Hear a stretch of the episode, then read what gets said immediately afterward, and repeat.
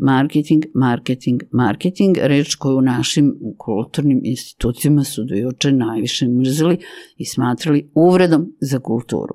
Svaka umetnost je na tržištu. Uvijek bila i uvijek će biti.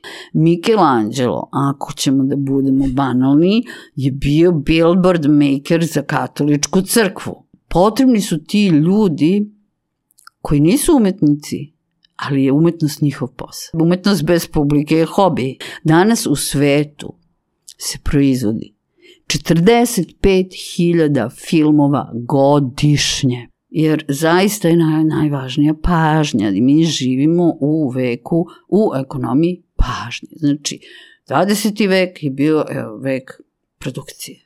Rađeno je istraživanje, mm -hmm.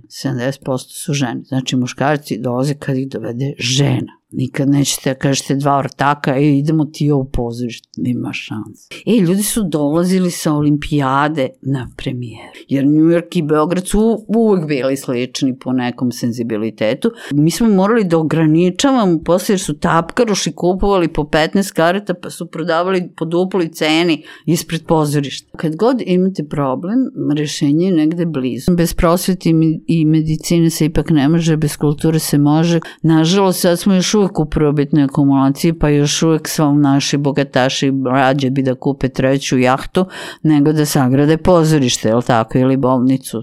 Nije problem para, problem je ideja. Ako imaš fenomenalnu ideju, u koju stvarno veruješ, ma pare će uvijek da se nađu. Što ja tebi da dam pare za kostime? Zato što ti hoćeš da pidi kod tate nek ti da pare. Sponzor je ugovor, biznis koji mora da bude zasnovan na obostranim interesima. E, kako se radi sa sponsorima? Još podcast 1. Pozdrav svima, dobrodošli u Još podcast 1, moje ime je Ivan Ćosić. Na početku želim da nam se zahvalim što nas gledate, što nas slušate, ostavite nam neki share, like, subscribe, ostavite nam neki komentar ispod ovog videa, ako želite podržite nas na Patreonu.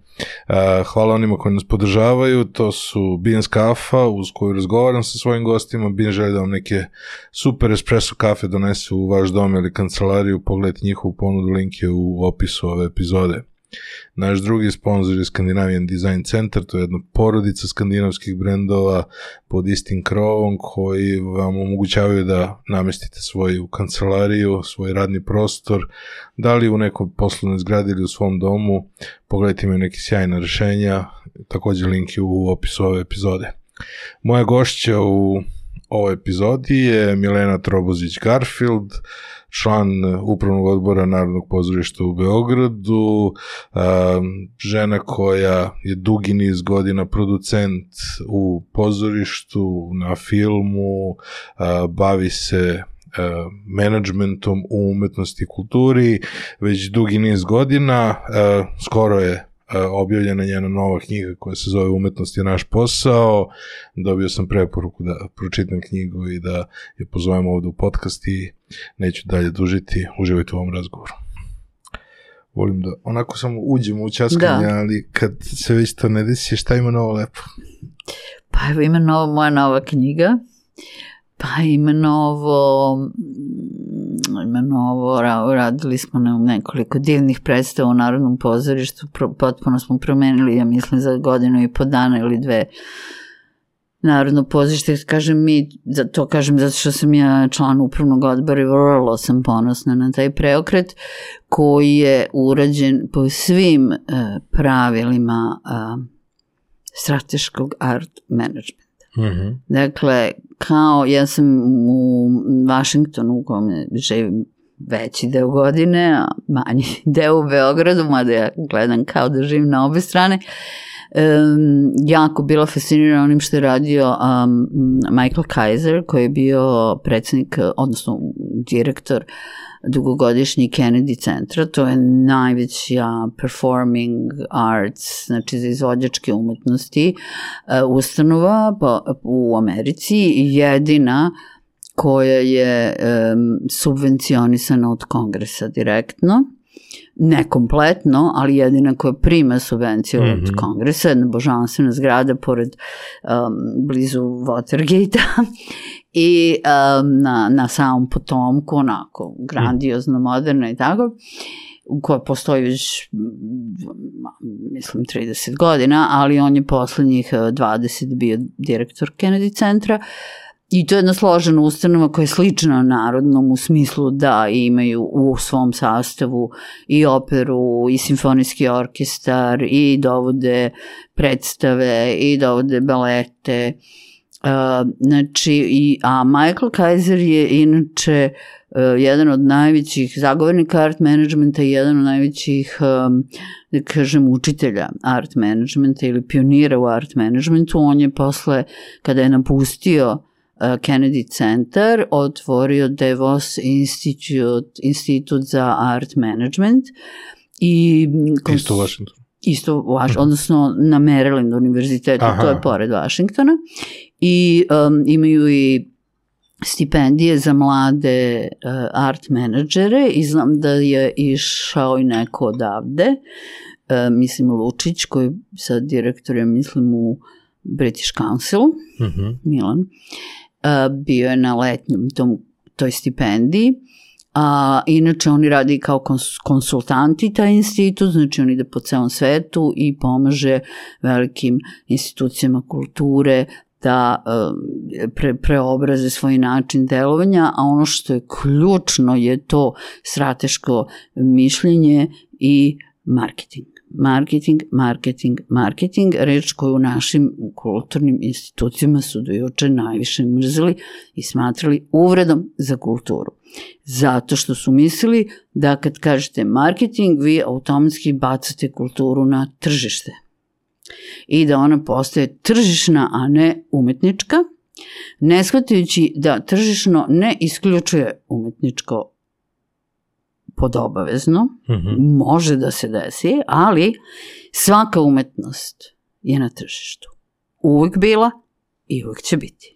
Svi često- umetnici su na tržištu, od Michelangela, Leonarda, Mozarta, Dickensa, Tolstoja do dana današnjeg. Čak i ako imaju samo dva konzumenta, gledalca, čitavca, oni su već na tržištu. Ako prodate jednu kartu, vi ste na tržištu.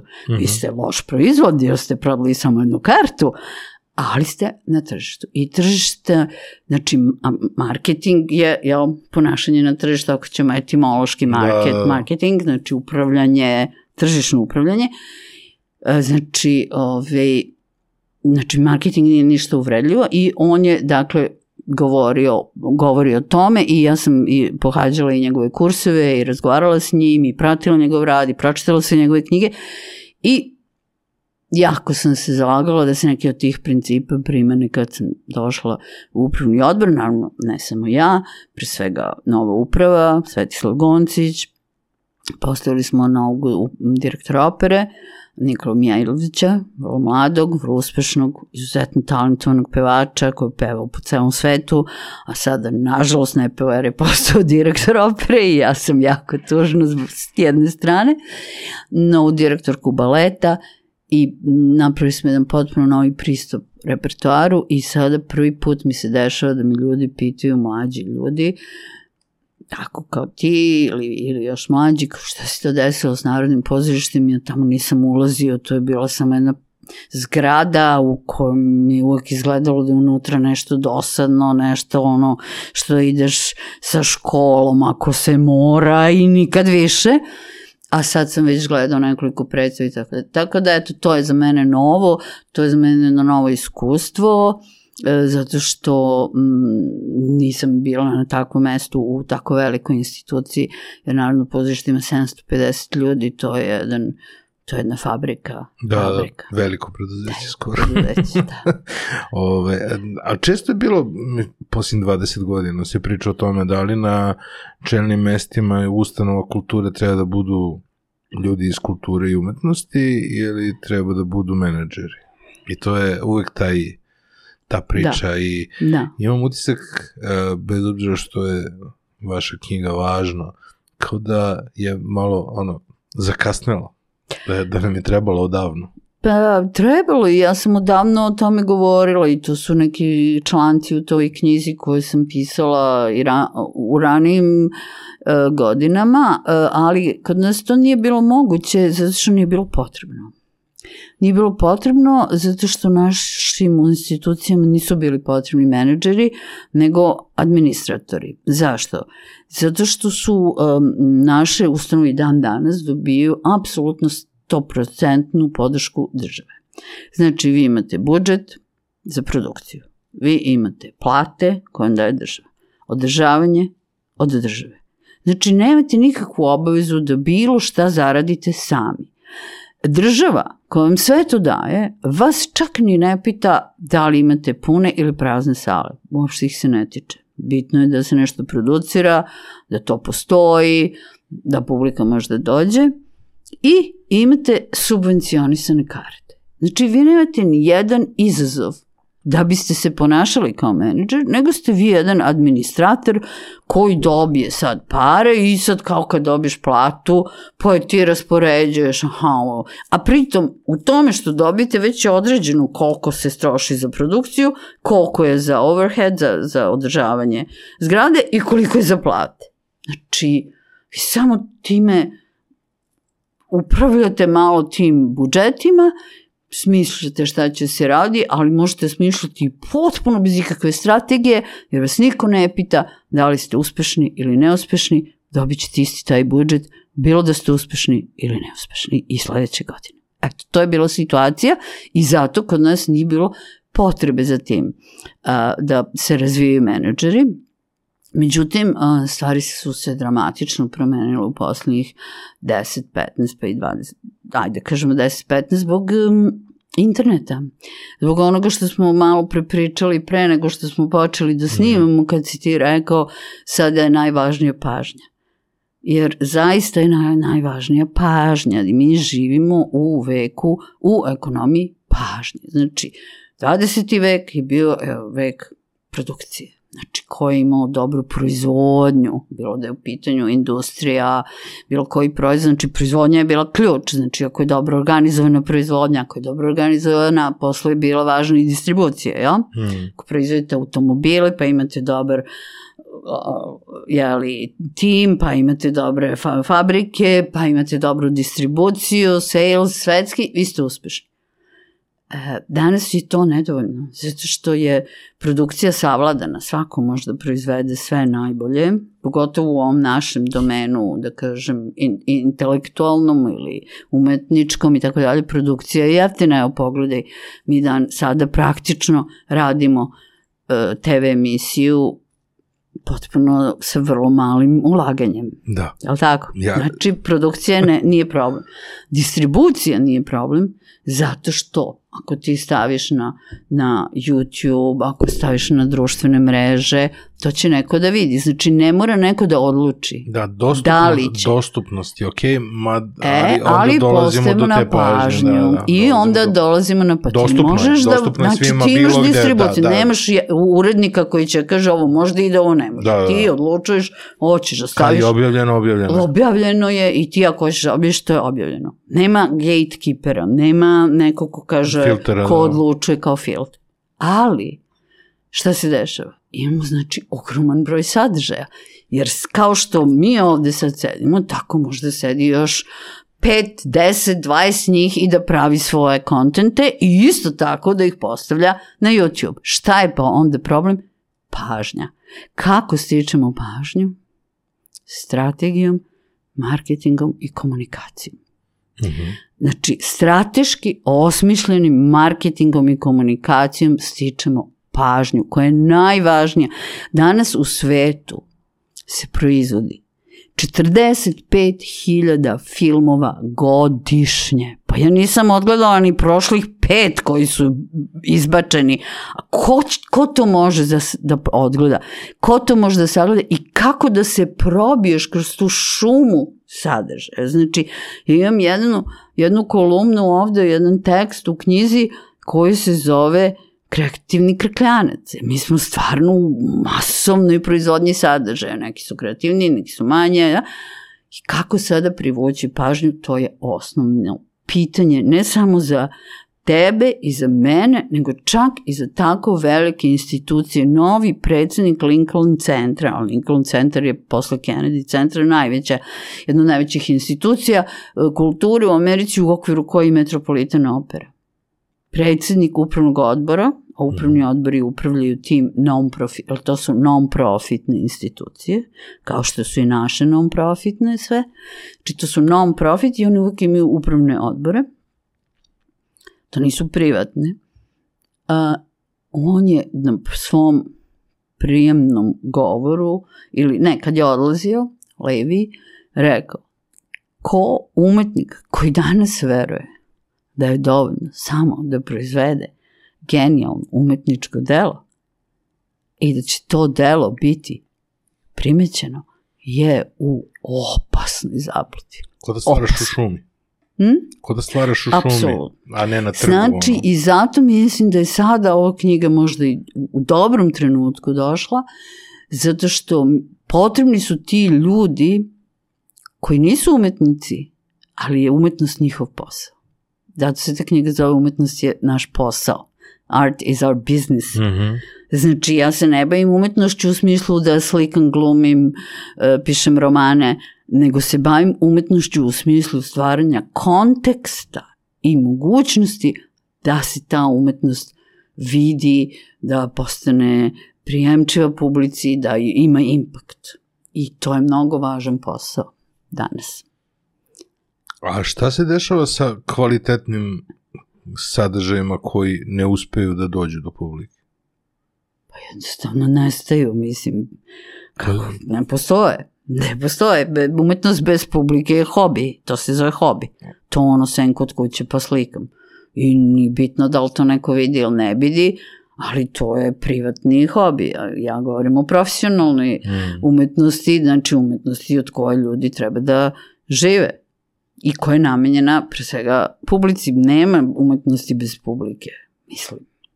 Ima bio je, ne znam, bio su slikari koji su bili neotkriveni, Mhm. pa ih otkriju posle 100 godina, ali e, to se više neće dešavati zato što su promene tako brze, promene ukusa, promene stila, promene um, percepcije, da ni, više nikad nećemo posle 100 godina otkriti slikara koji će postati velika zvezda, to ti garantujem.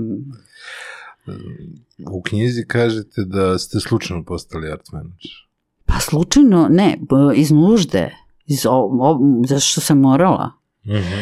Ja sam a, b- inače hispanista, pre svega bila.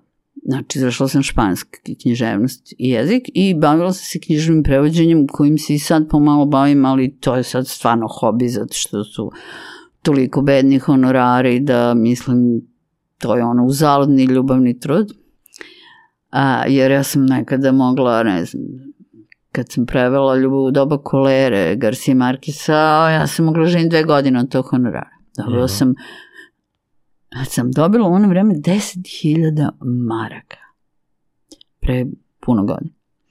10.000 maraka i danas su velike pare, kad bi rekao 10.000 evra dobiš za prevod, a u ono vreme su bile još veće. To danas nezamislivo, danas za takvu knjigu, ako bi dobila 1000, daj Bože.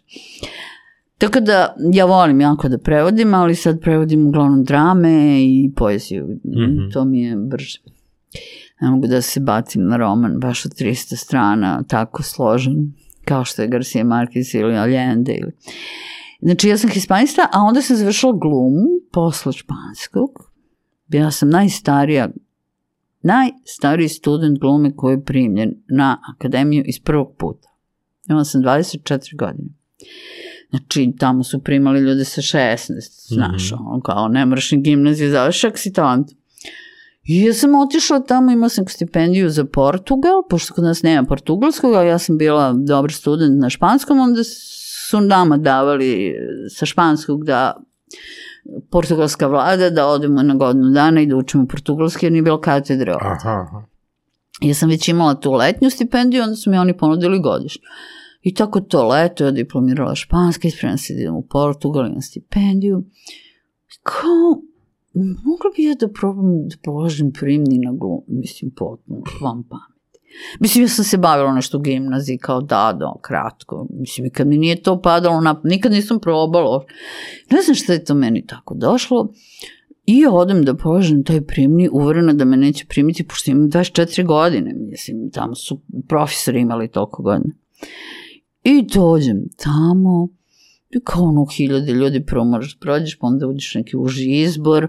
Pritom ja sam po prirodi jako trapava, nisam umela ni kolut napred da napravila to za glumu, tamo moraš neke kolutove, nešto da se prevrćeš, pa neki poligon, pojma, nemam ja to. Ali pošto meni uopšte nije bilo bitno da mene prime, jer sam ja kao odlazim u Lisabon, ali ja to kao da probam. I znaš ono kad ti nije sa, I mene prima uži izbor, ju, ja se zaprepastim. Pa dobro, ajde kao uži izbor, sad tu treba nešto dve nedelje da radiš s profesorima, pa onda ponovo položeš mm. tih, ne znam koliko oni su primali, 30, po tih 30 na kraju 12. I seća se da je meni profesor Bajčetić koji je bio u komisiji rekao, pa što vi sad položite prijemni? Pa vi imate 24 godine. Pa kaže, znam koliko je godina. Pa vi ćete uvek igrati babe. Pa kažem, pa dobro, nema veze, babe, babe, kao bit ću matora kad završim. Međutim, pošto sam ja bila jako niska i u to vreme sićušno, sad više nisam, sam ja na kraju kad sam diplomirala uglavnom igrala devojčice, jer sam tako izgledala mm. mala. U svakom slučaju oni mene prime, ja vratim tu stipendiju na užas mojih roditelja koji su se radovali da ja konačno krenem u normalan život i krenem da studiram iz početka i završim glumu i, i glumila sam i igrala sam kod velikih reditelja, Mađelija, Mijača, Petra Zeca, raznih ali nešto tu mi nije ta gluma. Ne? Mislim, nisam ja bila loša, ali nekako, pošto sam i tu hispanistiku završila i tako, onda oni mene krenu stalno nešto da zivkaju, da nešto prevodim, pa da napišem nešto za program, pa Mađeli, ajde, kao, budi ti meni ono asistent malo, da mu pišem za program i to, da mu sredim tekst, pa sam mu prevodila nekog Valjen Klana španskog koga je on radio, u Beogradskom drama i tako ja polako krenem malo u drugim stvarima da se bavim. I onda ovaj, sam slučajno zaista počela da se bavim, bila sam na nekom kursu iz PR-a ili tako nešto, koji je bio nešto u savjet centru, neki holandžani je držao, ne znam kako se zvao. Ne znam što sam ja tu tamo otišla, eto to me zainteresovala, ja sam to slušala i tu sam shvatila da kao to je trebalo možda nedelju dana, ono kao workshops, da je to nešto vrlo bitno, kao ta komunikacija. I eto tako malo krenem u pozorištu, tima se bavim i da ti skratim priču, uglavnom um, dobila sam neki time out iz Londona, to je onaj časopis bio kao mm -hmm. naš City magazin koji ti govori šta se dešava sve u Londonu i tu vidim da ima neka predstava koja je strašno popularna, koju glavnu ulogu igra John Malković, a zove se Burn This, zapali. Ja sam to prevela kao zapali. I ja skapiram da bi to možda bilo interesantno da se uradi, ima sam četiri glumca, jer se u Beogradskom dramskom to tad bila u, u, u, umetnički direktor Borka Pavićević. I ona je mhm. radila remake e, sezonu čuvenih predstava Tennessee Williamsa, Albija, tih e, modernih američkih autora koje je Beogradska dramska 60-ih predstavila. I ja kažem, pa dobro, mi bi trebalo sad malo se odmaknemo od tih remake-a, ja užasno mrzim remake-ove. Tako da nas, znaš ono, svi su voli Šopaloviće, ajmo opet Šopaloviće. Mislim dosta, znaš, stvarno mrzim remake-ove i to mi je dosadno i mislim da je ubistveno za umetnost. Znaš, ono, kad imaš kao trupu i kao, ja, svi vole Rome i Juliju, šta ćemo ove sezone? Pa ajmo opet Rome i Juliju. Mislim, to je često kod nas. U svakom slučaju, kažem, ajde da se odmahnemo od remake-ova i da uradimo Lamforda Wilsona taj Burn This, on je tada bio na početku svoje karijere i kasnije jedan od najvećih dramaturga američkih. I mi, ona meni kaže, pa znaš šta ne, to, koga će to da zanima, to nešto život na Manhattanu, kao nekih kao tu fancy ljudi, ne znam, on je s Wall Streeta, ona je bali... Koje godine pričamo? 91. Pred, Aha. pred početak rata. A ja sam pomislila da bi to baš bilo subverzivno da u toj atmosferi gde već svi govore ili nacionalnim temama ili o ratu, da se uradi nešto što je urbano, što je moderno, da, da se taj grad okrene na neku drugu stranu, da se seti Beograd da je isti kao New York. I meni to bila fiks ideja da ja to dokažem, da postoji u Beogradu i mladi ljudi i publika koji komuniciraju sa tom temom, jer New York i Beograd su uvek bili slični po nekom senzibilitetu i ja sam htela to da pokažem, da, se, da se otvori taj prozor, da prodišemo od tih, bile su teme, ne znam, Kosovska bitka, ne, znaš, ono pred početak. Da, par to, godina pre toga da. je baš bio on Da. hype. I ja kažem, ja mislim da je to dobro i da dovedemo Harisa Burinu iz Sarajeva, još je to bila Jugoslavija. Mhm. Haris Burina tad bio vrlo popularan, ima tako dugačku kosu, kao John Malković izgleda. I da dovedemo Harisa kao glavni glumac iz Sarajeva u Beogradu, komad, novi, moderni autor, američki, Manhattan. A glavna pesma koja se koristila u toj predstavi je bila Bruce Springsteen, I'm on fire. Aha. I to, mi smo platili prava za komad, ali to da platimo nije bilo šansi. Mislim, to 10 puta skuplje nego za komad. Aha. Nema šansi, ne, neće ti da ni 20 sekundi da koristiš ako ne platiš. Ja kažem, dobro, ajde, znači to će biti problem. A kaže meni Borka, ne može to da se radi, mi smo već napravili repertoar, nema, budžet je raspoređen. Mhm. Raspoređen. A ja zvala da mi radi Alisa Stojanović koja je tad tek bila diplomirala. Ja gledala njen diplomski Mhm. i Joneska je radila. Ja kažem, o, devojka će radi. A ona pozove Uliksa Fehmiju, koji tad još nije bio ni diplomirao, bio na trećoj godini. I Snežana Bogdanić koja je bila iz pozorišta, već je bila zvezda. I Srđan Dedić koji je bio iz pozorišta. I Haris Burina da dođe iz Sarajeva.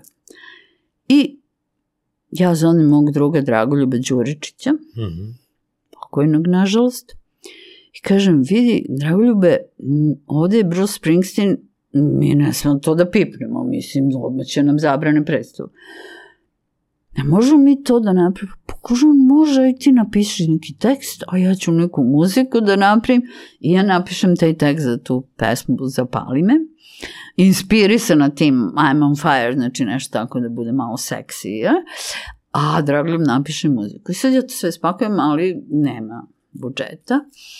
I ja se setim da kad god imate problem, rešenje je negde blizu. I moj teče je bio botaničar i išao je po terenima i jedan seljak ga je naučio kad ujede zmija, Uh, prvo okreni neki tu prvi kamen koji ti je blizu, ispod njega je trava koja će da ti izvuče otrov.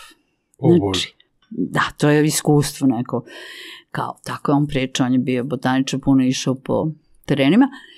Odnosno, hoću da kažem, rešenje je uvek tu negde oko nas. Aha. I rešenje je bilo tačno iznad moje glave. Je bio videoklub koji se zvao Vans Dobro. Koji je već bio uložio taj dečko, taj čovek koji je Dejan, on je bio već uložio neki par u jedan film koji se zove Vizantijsko plavo u kome se. je Ulix igrao Aha. kao mladi glum. I ja to, jedno mi to padne na pamet, ja se popnem gore, kuc, kuc. Dene, vidi, ti si radio ovo, uložio si ovaj film, tu Ulix glumio, ja hoću da uradim ovu predstavu, ovo je hit na West Endu, hit na Broadwayu, ja hoću da uradim u Beogradu, isto će igrati Ulix, jedna od glavnih uloga, Dragoljub muzika, znači sve mu ispričam, ja bi ti dao kao investitor pare. Kažem, kako kao investitor? Ne kao sponsor. Daš mi pare za predstavu, ja ti dam 50% s blagajne. Kaže, važi. Ja se iđem nazad kod Borke i kažem, vi Borka, ne treba mi pare uopšte za predstavu. Ja sam našla pare, samo ćemo da damo deo sa box office-a tom koji će mi da pare. I ona kaže, ok, ok. Mislim, jer u našim pozorištima nije bitno da zaradiš, razumeš? Bitno je samo da imaš budžet. Mhm. Ako si već rasporedio budžet, nema odakle da mi da. Kapiraš? Ali možda mi da s blagajne. I to je bio prvi private public joint venture Mhm. kod nas. To je pravi spoj privatnog i javnog novca koji je idealan spoj e, u art u, u artu, u, u institucijama kulture na zapadu. Znači Mhm. uvek je to najbolje kad imaš ne samo privatne pare, nego kad imaš i public i privatno. Znači, on meni nije bio sponsor, on je meni bio investitor. To je jako lepo u knjizi raz, e, razloženo, znači sponsor, donator, investitor. Je. A, mislim da se nameće sad kao tema da, da, Da, ih razložimo, da. napravimo jedan onako, jednu Da. širu sliku. Pa znaš šta, kod nas se to isto ne zna, zato što kod nas e, praktično ne postoje donatori. A kod nas imamo sad novi izraz Da. a, koji nije u ovoj, u Mhm, u ovoj ovoj vašoj kategoriji. podeli, nego se sve zove podrška. Pa, Tako da, jeste to e, sve podrška. I sve je to podrška. Pa sve je onda, podrška, i onda ali se je da. jako lako zabašuri šta je tačno. Vidi, ovaj, ov- a zato mi se dopada, uh, kažemo, vaša nomenklatura, ovaj, uh, zato što jako, jako lepo postavlja raspored Da. svega, uh, ali uh, sada je dosta zabašureno taj ta, taj ta kompanija, pojedinac, organizacija nam je dala podršku i onda Da. se zabašuri Da, ne koji zna je- se koji koji, su tačno, je. da. Tako da Pa mi je dobro, kod neke- vas jako lepa ta podela, pa možemo sad malo da, napravimo neke širu kompanije daju podršku kao na primjer kompanija Mozart koja jako sada daje podršku u razne kulturne ovaj, sadržaje, koliko sam čula i u škole čak, što mi je jasno jer moraju da peru svoj imidž, pošto su oni čak u komun- kockarska kompanija. To se čak zove ono, whitewashing. To je totalni Da. whitewashing. E sad, da li je to okej?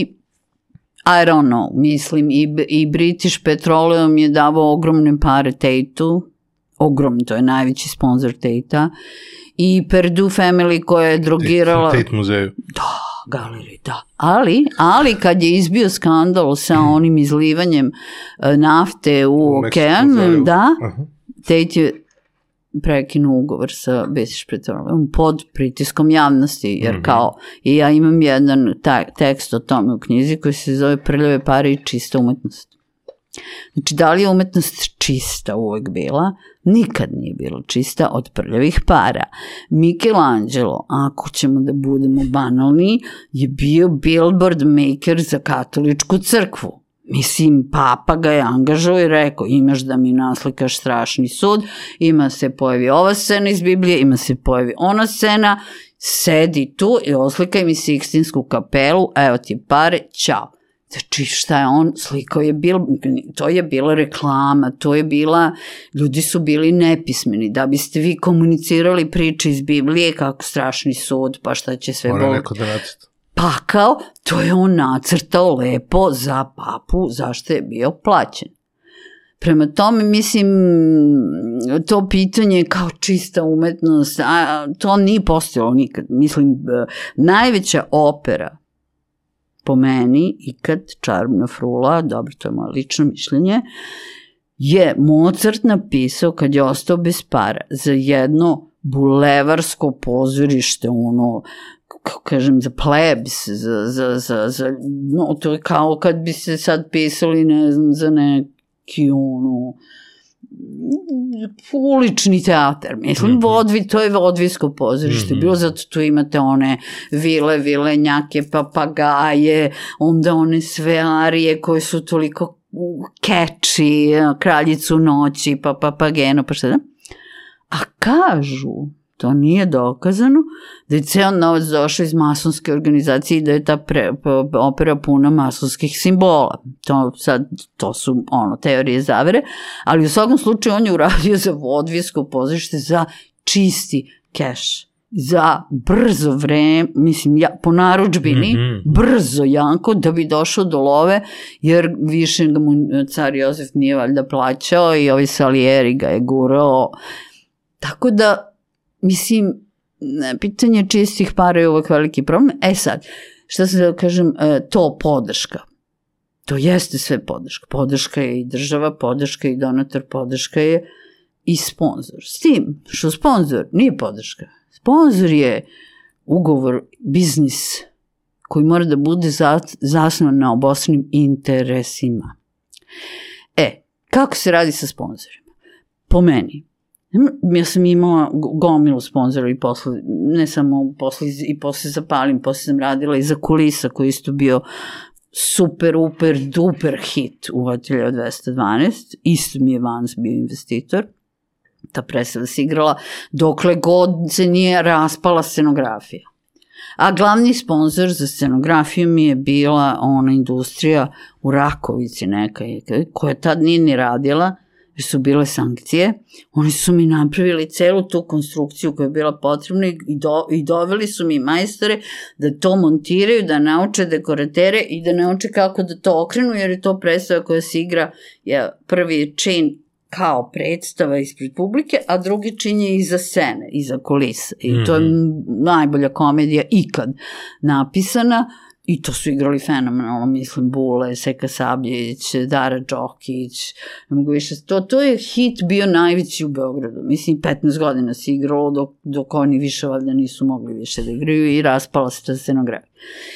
U svakom slučaju, znači, kad vi dođete kod sponzora i kažete, ja znati, ja hoću da radim tu predstavu, ali eto mi nemamo pare za kostime, ili fali nam pare za ovo, fali nam još deset. Ja vam ne bi bila sponsor. Pa šta mene briga šta tebi pare, pare, pare za kostime? Što ja tebi da dam pare za kostime? Zato što ti hoćeš da pidi kod tate nek ti da pare. Ne. Ili ne znam, ja nemam pare, ja platimo struju u pozorištu. To je tvoj problem. Kako se priča sa sponzorom? Samo da se priča tako, što sagledaš šta je njegov interes, kako ti možeš njemu, zašto, glavno pitanje je uvijek zašto. Dobro. Znači, zašto hoću da radim ovu predstavu, to je pod jedan. Znači, možeš da imaš odgovor na zašto, znači, zašto bi to neko gledao, zašto bi tu neko uložio lovu, zašto u ovom trenutku, zašto na tom mestu, zašto sa ovom ekipom. To, a kad imaš to zašto, onda će to da ti odgovori sva druga pitanja. I kako, i gde, i kad, i tako dalje. I kad dođeš, kad Dobro, shvatiš... u design thinkingu ima to kao da postavljaš još pet pitanja Tako sam sebi, zašto, zašto, zašto na zašto, za- ono. Zašto je najvažnije? I sad, zašto bi meni neko dao par? Znači, ja kad sam radila diplomca, to je bila jedna predstava koju smo radili kompletno bez države, sam, apsolutno samo, to je bio moj cilj, da uradim samo sa fund, da fundraizujemo samo sponzorske pare, Mhm. znači ni dinara od države. Trebali su nam sponzori. Hteli smo da napravimo glamuroznu pravu brodvijsku produkciju, jer se taj događaj, ja sam ga nazvala Broadway u Beogradu, zato što su u tom trenutku diplomaci igraju na- Broadwayu. I to je bilo skoro nemoguće dobiti prava, jer dokle god je na Broadwayu neće da daju prava za Evropu. Međutim, ja sam dobila, sam se godinu dana dopisivala sa producentom Broadwayskim. Godinu dana. I ovaj, znači sve je moguće, jo, na, samo treba biti strateg. I mi smo došli u Beograd, znači Ulix i, i ja smo rešili da smo mi radili za Palime i onda su nas zvali da kao mi smo već živjeli u Americi i Bradić je bio upravnik u BDP-u i rekao je pa što vi ne biste obnovili za Palime. Mhm. Ako što sam ti rekla, najviše od svega mrzim remake. Ja kažem, kako da obnovimo za Palime? Pa niti smo mi više oni ljudi, niti je to više onaj grad. Nema šansi ništa ja da obnavljam. Nek radi ko hoće to, ako hoće, mislim, neko mlad. To je smešno da mi obnavljamo. Možda sad da sedimo u prvom... Nema dva ista ulaska u istu Pa reku. nema dva ulaska u istu reku i ne treba se vraćati unazad, ono što smo opet pričali Da, pre raz. Ja kažem, ali možemo da uradimo nešto drugo. Radit ćemo pravu brodvijsku limited run produkciju brodvijskog hita koji je sad na kažem, kako? Pa tako, sad ćemo probamo. I setim se, uh, mislim, odnosno inspirisala sam se tim diplomcem koji bio ono, znaš, to su ti, to je hit, ti film iz 60. godina. A tad je bilo, uh, tad je izašao neki Apple, uh, onaj, kako se to zvalo što se nosi na uši? Pa, iPod. E, a to, iPod. I oni su imali reklame po Njurku, sve tako u 60 fazonu, ono, naranđasto. Džuskanje mi sa onom siluetom. Silueta, Da, da. džuskaju i sve su bile te neonske boje, ako se Da, da, da, sećaš, da, ono, drečavo sve. jake, dreče. Ja rekao, to, 60s. Pazi, to je bilo pre Madmana, nije još bio Madman, će tek posle 10 godina da dođe na televiziju. Kažem 60s. Znači Graduate. A Graduate se tad davao na, na Broadway sa Kathleen Turner je igrala Mrs. Robinson. Aha. Ok, to ćemo da radimo. Snežana Bogdanović, super za Mrs. Kako Robinson. to ide za pesmu? A Mrs. Robinson. A kako na, prava za pesmu? E, pa to je, tek, Aha. tek sledi ta Da, priča. Mi sad to je, to Simon i Garfunkel. Znači, lako sam ja ispregovarala za... Za predstavu. Pa da, da, i uvijek dođe problem s muzikom. Ali muzika je skupa, to su hitovi, znaš. Da. Mislim, i Sound of Silence i šta, šta je sve u tom filmu, Scarborough Fair, Mrs. Robinson, sam već i zaboravila, da. Sound of Silence. Dobro, Scarborough Fair je narodna, ono... Da, ali, ne- ali nema- Mrs. Robinson i Sound of Silence, ja Da, mislim da, da. su najupečeni, ako se dobro sećam. I u svakom slučaju, to sam sve ispregovorila, i za sponzore. Znači, kad smo mi došli, taj projekat sam ja nazvala Broadway u Beogradu, diplomac, leto, 2004. je to bilo. Ali sam godinu dana pre toga počela da radim i to iz Amerike, već sam živjela u Americi, nisam što bila u Beogradu. E, došla sam u, na, na leto u Beograd da vidim neke ljude, a nas su tada zvali Karići, Delta, svi su htjeli da daju pare. Za tu predstavu zbog tog naslova Broadway u Beogradu. Znaš što im je delovalo? Ja sam rekla ne. Pa zašto ne? Pa nismo dobar meč. Pa kako nismo dobar meč? Pa kažem nismo, ne, nismo mi dobri za vas meč. I ja sam otišla u Raiffeisen, Mhm. koji je tad počinjao, tek bio došao iz Austrije, i u Next, to su bili sokovi neki, oni Mhm, ceđeni, sećam to su Đorđević i drži. I rekla sam, slušajte, ja ću imati samo dva sponzora. To će biti Raiffeisen i, i Next. Znači, iz potpuno dve različite kategorije, nisu jedan drugom, Mhm. ni u kakvom, a? I mi hoćemo da idemo samo sa dva sponzora, plus medijski sponzor nam je bio uh, B92, Mhm. verujem. Ono kao da nam pušta spot kad mu se ukaže prilika, mislim, i to bio neki sad prime time da smo Mhm. mogli da dobijemo, ali on je za, za, za dž nama pušta spot. I ja kažem ovako, "A, ja ću vama da dam ekskluzivitet, znači samo ću imati vas sa sponzore, to će biti takav i takav događaj, 30 dana, svako veče, ti glumci, prodajemo karte um, tri meseca unapred, kampanja će trajati uh, tri meseca pre početka predstave, pre, pre premijere, tri meseca, to se nikad kod nas ne radi. Zašto sam ja odlučila da kampanja traje? Pa zašto nisam imala medijski budžet? Znači, ako nemaš pare za medije, znači ne mogu da zakupim 50 bilborda jer nemam lovu, mm. -hmm. razumeš? Ali mogu da zakupim jedan koji će stoji tri meseca na jednom udarnom mestu. Mora svako da ga primeti. Najskuplje je zameniti ga, da. Razumeš? I ja uzmem onaj bio neki onaj zgrada staklenac, tako se zvao. Da, da, ovaj na trgu. I ogroman billboard, to je stalo tri meseca. A pred premijeru, pred premijeru, to je bilo leto, ima onaj billboard na Brankovom mostu gde je onaj najduži semafor na svetu. Kad pređeš most pa stoji nešto, ne zna se koliko, stoje autobusi, stoje automobili i ja vidim prazan billboard.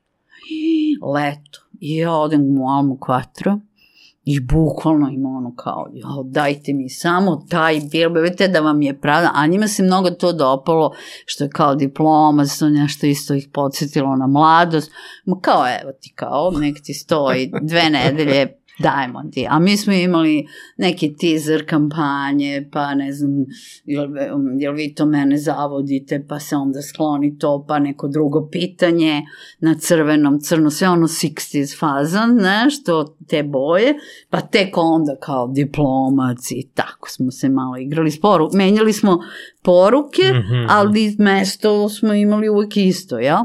I imali smo jedan trolebus. To sam iskukala od grada, da mi daju jedan trolebus, oni koji ide kroz centar grada i da piše diplomat.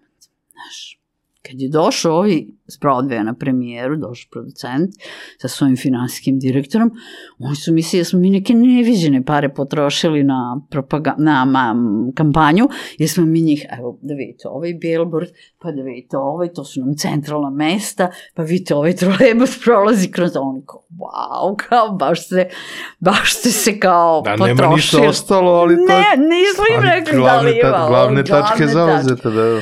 Tako da, ovaj, ja sam tako dobila ta dva sponzora, rekla sam daću vam ekskluzivitet, tražim od svakog po 60.000 evra. To je bio tad budžet, mogu si snimiš omanji film. I ja su rekli, okej.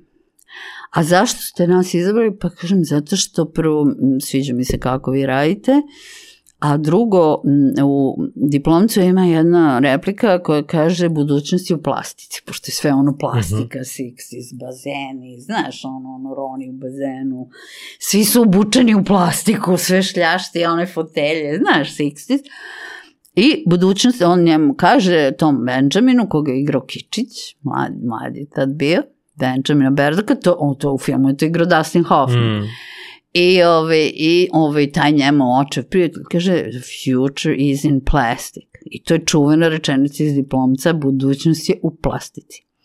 A plastik u Americi znači Ja, kartica. kartica, da. I oni su tad uvodili karticu. I ja kažem, samo uzmite Kičića, Mhm. drži karticu i da kaže tu repliku, budućnost je u plastici, jer je to čuvena replika iz diplomca. Mm. I oni su se tu oduševili i a, mislim, nije to bila kampanja koja je išla nešto ovako, to je bilo u programu, to je bilo u foajeu, dala sam im jednu pred. Oni su obožavali što su bili sponzori tog projekta, zato što je taj projekat bio e, mega hit, zato što je PR kampanja bila strahovita. Mislim, to je bilo u svim novinama. To je bilo histerija zvana diplomac, borba za karte, to su tapkaroši su prodavali karte. A blagajnik, kad smo došli s njim da pregovaramo, kad, koji trebalo da nam prodaje karte, zato što smo mi sve uradili bez države. Znači, mi smo hajrovali svog blagajnika, mi smo uzeli samo pozorište Beogradsko dramsko u sred leta, Znači, probali smo u julu kad su pozorište na odmoru, rekli smo nama treba zgrada i struja. Svi vaši ljudi će biti plaćeni kao da rade za neku, da ne rade za svoje pozorište Mhm. i za to što ćete nam dati zdra, zgradu i struju, dobit ćete e, 30% od box office. I predstava će se igra od 20. avgusta do 31. Jel, koliko ima? Mhm. 30 dana.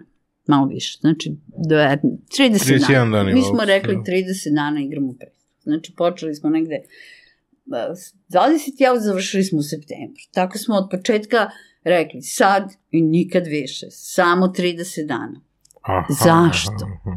Scarcity, nestašica stvara želju. Mhm. Kad nečeg ima stalno, puno, u nedogled, 10 godina, pa dobro gledat ću. Ali kad kažeš sad i nikad više, Ograničen. samo 30 dana.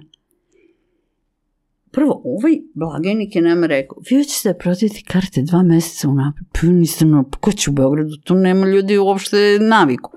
Kažem, pre svega to nije istina da nemaju naviku, jer kupuju karte kad se najavi neki koncert, pop zvezda, kupuju karte unapred jer znaju da, mislim, neće biti, mm. jel tako? Da, Ne, ali to za pozorište ne važi. Kažem, pa ajde da vidimo da li će da važi. Drugo, ko će da ti gleda u sred leta, u avgustu, niko u Beogradu ne ide u pozorište. Ja kažem, a što misliš da ne ide?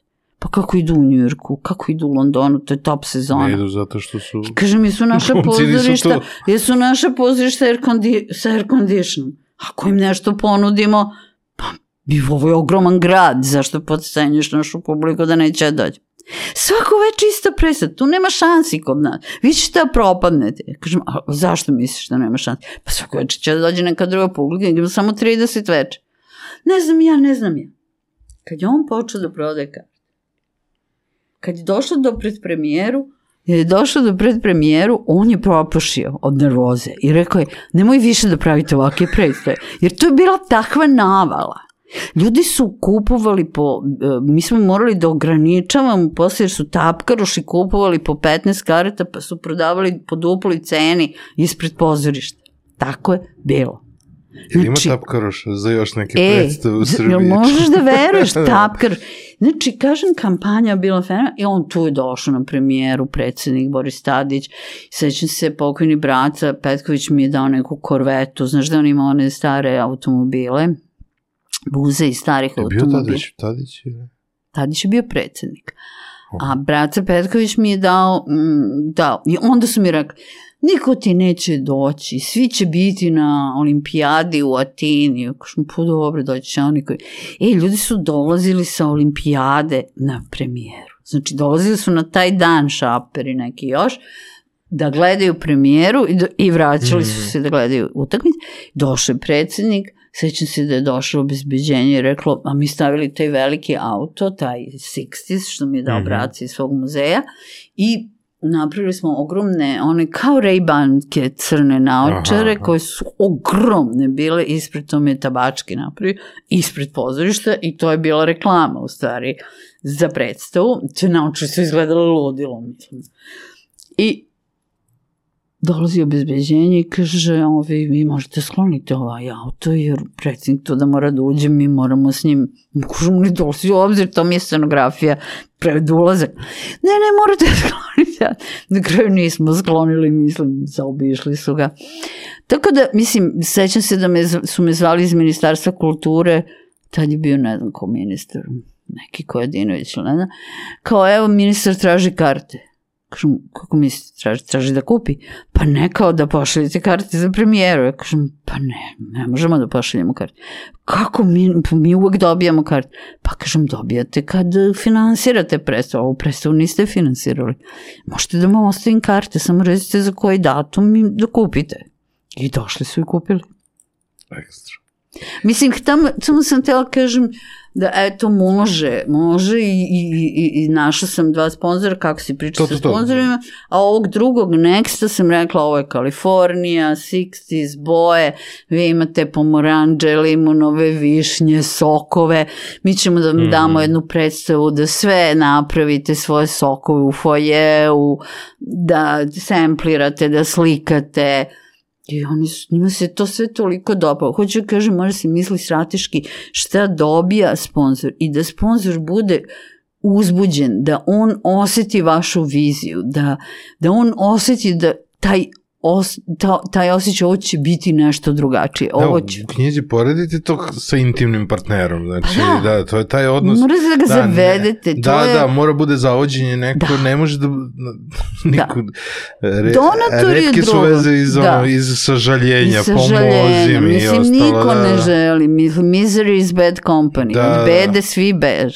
Svi bež. Ja da. odajem. I ako vi izmolite, daću vam neku crkavicu. Da, da. Ajde, evo ti 2000, ajde. Razumeš? Sponzorstvo mora da bude zavođenje. Zavođenje i možeš da ideš sa verom i sa svojom vizijom i da stvarno veruješ u svoj projekat. Da. Samopouzdanje, da, da stvarno imaš neku ideju. Zato sam ja rekla u nekom intervju odavno, nije problem para, problem je ideja. Ako imaš fenomenalnu ideju u koju stvarno veruješ, pare će uvek da se nađu, ali uvek, uvek To je verovo i moj drug Tasovac koji isto bio veliki mag marketinga. Tako da to je istina, zaista. Dopunim kafu pa nastavljamo. ja sam tu davila. Ne, naprotiv, meni je... A za donatore ste u knjizi rekli da je da su donatori tetke. Jeste, donatori su tetke zato što nas tetke najviše i bezrezervno vole. Kogod je imao tetku, to zna. ili ima tetku, je srećan čovek, zato što to zna da su tetke jedna podrška koja tetke opraštaju, tetke sve razumeju, tetke će uvijek da vam tutne pare ako vam trebaju, da vam ne vidi mama i tata, je li tako? Ko je to pisao? Rađite deci, rađite deci sestre, jer sestre postaju Postoju tetke. tetke. Ja sam da, isto tetka i znam tetka. kakva sam tetka prema svojim bratancima i bratanici, tako da ovaj, je divno imati tetku i zato sam rekla donatori su tetke, jer donatori su ljubitelji. To su ljudi koji zaista vole to što vi radite, koji su ili ljubitelji te vrste uh, posla, umetnosti ili veruju u, u, u, taj, u tu ideju koju vi sprovodite. Znači, to su ljudi koji vas vole i koji žele zaista da vam pomognu bez naručitog ličnog interesa. Nekad čak ne žele ni da budu pomenuti da su donatori. Razumete? Da. Nekad čak vole da ostanu iza.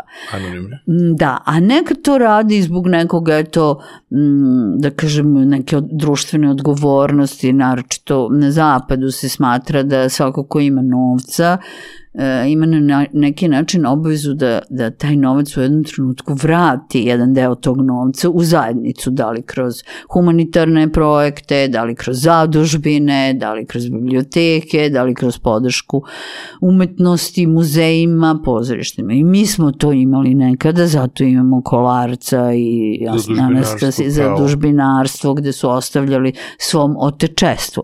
Nažalost, sad smo još uvek u prvobitnoj akumulaciji, pa još uvek svom naši bogataši rađe bi da kupe treću jahtu nego da sagrade pozorište, jel tako, ili bolnicu. Takva je situacija. S druge strane, situacija koja ne pogoduje donatorstvu kod nas. Dobro, postoje fondacije, ne mogu da kažem, postoje neke fondacije koje ulažu u te humanitarne projekte, ne znam, diva, imaju razni Svi imaju, fondacije, da.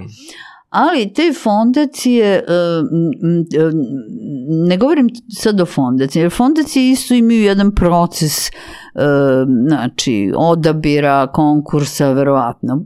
Govorimo o onim ličnim donatorima kao što su neke porodice ili bogati ljudi koji jednostavno odluče ovo mi se sviđa, tu to hoću da, da, da im poklonim pare, u smislu zaista da poklonim ne očekujući da mi se vrati kroz neki interes. E, Često je, kažem, interes e, društveno priznanje, da, da ste vi čovjek sa nekom svešću, pa zato hoćete da pomognete svom okruženju, kroz kulturu ili već šta vas zanima, jeli? Naprimer, David Rubinson, koji je jedan, ovaj, koji je vlasnik Carlyle Grupa, jedna od najvećih eh, hedge fondova u Americi, on je i predsednik Kennedy centra, borda. Kad ste predsednik borda, to po, po, pod jedan znači da dajete pare toj instituciji na zapadu. I u mojoj kolumni daj, nađi ili izađi, to je opis šta rade upravni odbori u, na zapadu. Znači kad uđete u upravni odbor, podrazumeva se da daš određeni deo svog novca da podržavaš tu instituciju. Ako nemaš svog novca, nađi. Znači daj, nađi. Ako nemaš svog, imate kontakte, dovedite druge ljude, pomozite u fundraisingu, u prikupljanju par. Ako ni to nećeš, izađi.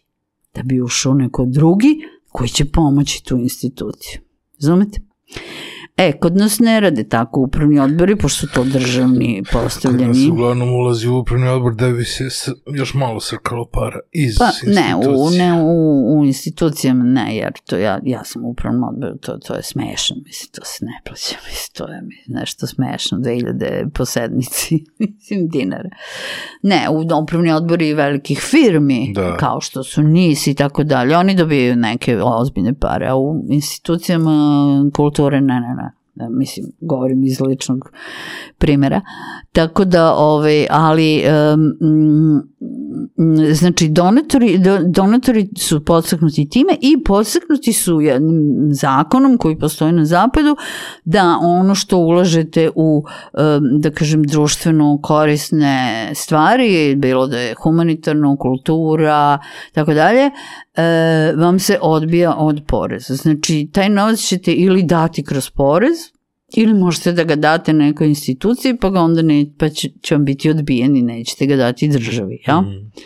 I onda ljudi razmišljaju, ako već taj mora, novac ću morati da dam, ne znam koliko, 20, 30, 50 hiljada dolara će biti mi porez, ako dam 50 hiljada dolara nekoj instituciji ili nekom projektu, ili, onda će mi se onda neću taj, onda to neću dati državi i time u stvari je o, o, do, do, ima smisla, razumete, onda vam je važ, lepše da date nekom muzeju nego da to pošaljete poreskoj upravi, tih 50.000. Ja? Kad je jasno i transparentno sve. Pa da, pa dobro govorim o tome, ali ovaj, kod nas nije taj podsticaj, kod nas naravno to nije razvijeno. Drugo, i neka istraživanja sam gledala koje su radili neprofitne neke organizacije ovde. Kod nas još uvek se daje donekle u humanitarne svrhe. Kogod imate fondacije i tako više daje u, u humanitarne za neku školu, za neku bolnicu, za neku decu i tako dalje, nego što će da, najmanje su davanja za kulturu. Jedini koji ovde nešto uložio značajno u kulturu kao donator je Madlena Cepter. Mm -hmm koja ipak to moramo da istaknemo prosto kao dobar primer, ipak uložila veliki novac da bi održavala taj Medlenijanum i napravila je i muzej moderne umetnosti, ona je u Knez Mihajlovi, sad čujem da ima ne, ne, nešto novo, ne znam gde, ali ovaj, to je jedna divna kolekcija uh, izložena na savremene srpske umetnosti 20. veka. Tako, ali ostali nemaju taj uh, poriv i teško je naći donatore kod nas. Da, evo, Kavčić ima sa, sa Tihom Stanićem sarađuju u Novom teatrijumu, recimo, napravili su vikendom, ovaj... Ko sarađuje? Fondacija Alek, Alek Kavčić, ovaj, oni su sa Tihom Stanićem, Tiha Stanić ima u dvorištu rektorata kao letnje pozorište. Znam, to je dobio onda, od, od, od univerziteta, da. Da, e, onda subotom i nedeljom ima predstave za decu koje pokriva fondacija. Tako, onako, mm -hmm. ovaj, a, da, to je neka vrsta donatorstva. Da, da, skroz. Da, skroz. da, da. A investitor je otac. A investitor je otac, najbolji investitor i najbolji sponsor je država. Uh mhm. -huh. Država je najveća, najjača i može da pomogne, ali kao i svaki roditelj, dok vas tata izdržava, tatu mora, mora da se sluša. Obično je tako, ja?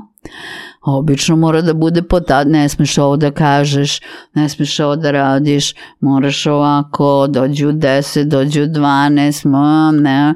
Tako da jeste lepo imati podršku države, udobno je, komatno je, sigurno je, ali vam ograničava slobodu ograničava mi i apsolutno ne znam zašto ljudi očekuju da uzimaju novac, od, da budu podržani od države i da rade šta, ono što, kako oni hoće i šta hoće. To nema na svetu.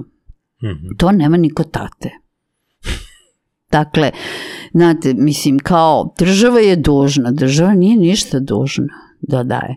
Jel mi ćemo bez kulture nestati kao narod? Pa mi 400 godina nismo imali kulturu, ni knjige, ni pisanje, ni pozorišta, ni renesansu, ni barok, pa smo opstali. Ko kaže da nećemo opstati? Ko kaže da je to obavezna stvar? U kojoj zemlji je država obavezna da podržava svakog umetnika kom, koji to zamisli. Evo ja sam sad nezavisnih umetnik i hoću da budem zavistan od države. Ili si nezavisan ili si zavistan. Mislim, odloči se. Ja sam nezavisan, hoću da radim šta ja hoću, kako ja hoću, kad ja hoću, ali da me država plaća. I da mi plaća, sad sam čula da su nezavisni umetnici tražili da dobiju plaćeni godišnji odmor od države. Mislim, ne razumem. Zašto? bi im država plaćala godišnji odmor, ako su oni nezavisni umetnici. Mm -hmm. Znači, biti nezavisni umetnik je jako teško. E, to je vrlo neizvesno.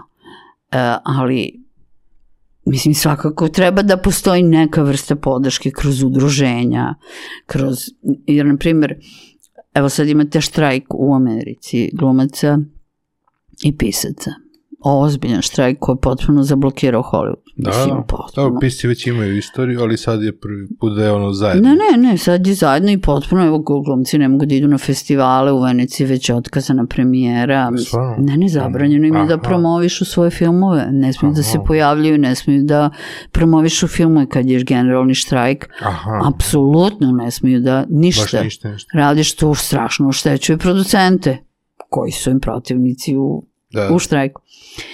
I uh, što sam htjela da kažem, da, i uh, uh, u Americi, ste, ako ste član SAG, SAG AFTRA, to je udruženje televizijskih i filmskih glumaca i pisaca, a Equity je drugo udruženje pozorišno. Oni su mm -hmm. potpuno odvojeni. E, možete biti član oba udruženja, a možete, zavisnosti kako i šta radite. Ja. Međutim, da biste preko tog udruženja dobili zdravstveno osiguranje, morate da zaradite godišnje najmanje 26.000 dolara. To izgleda kao mala suma za Ameriku, ali mnogi glumci, a sada i pisci, ne dostižu tu sumu i nemaju zdravstveno osiguranje za sebe ili za svoju decu. Znači, to je mnogo težak život na zapadu biti glumac ili umetnik. Namite, kod naši se glumci svi porede sa Clooneyem i Brad Pittom i Beverly Hillsom. Mm -hmm. Ali to su zvezde. To su zvezde. A ima hiljade i hiljade ljudi koji žive od tog posla, koji su profesionalci, koji su vrhunski glumci i koji moraju da idu iz audicije u audiciju, koji nemaju sigurnost, koji ne mogu da imaju stalni posao jer tako nešto ne postoji. Samo imate ugovor po projektu. Po projektu. Jedini koji možda imaju duže ugovore su članovi raznih orkestara. I niko više. Možda baletski igrači isto imaju duže ugovore. I Tom Cruise sa Paramount. Mislim, ako su članovi neke, neke, neke trupe, ali inače, mislim, možda horisti u operi, ali to glumci apsolutno ne postoji stalni angažman u pozorištu. Mm -hmm. to, to kao kategorija ne postoji. Tako da ovi, ima tih zvezda koje zarađuju ogromne pare, ali to je strašno mali procenat i mnogo je teško to dostići i o tome ne treba ni sanjati, jer kao što znamo, ni mnogi veliki evropski glumci, kao što je Depardieu ili Juliette Binoche, ili da sad ne pominjem dalje imena, nisu uspeli da naprave karijeru u Americi. Mm -hmm. Mnogo je to teško.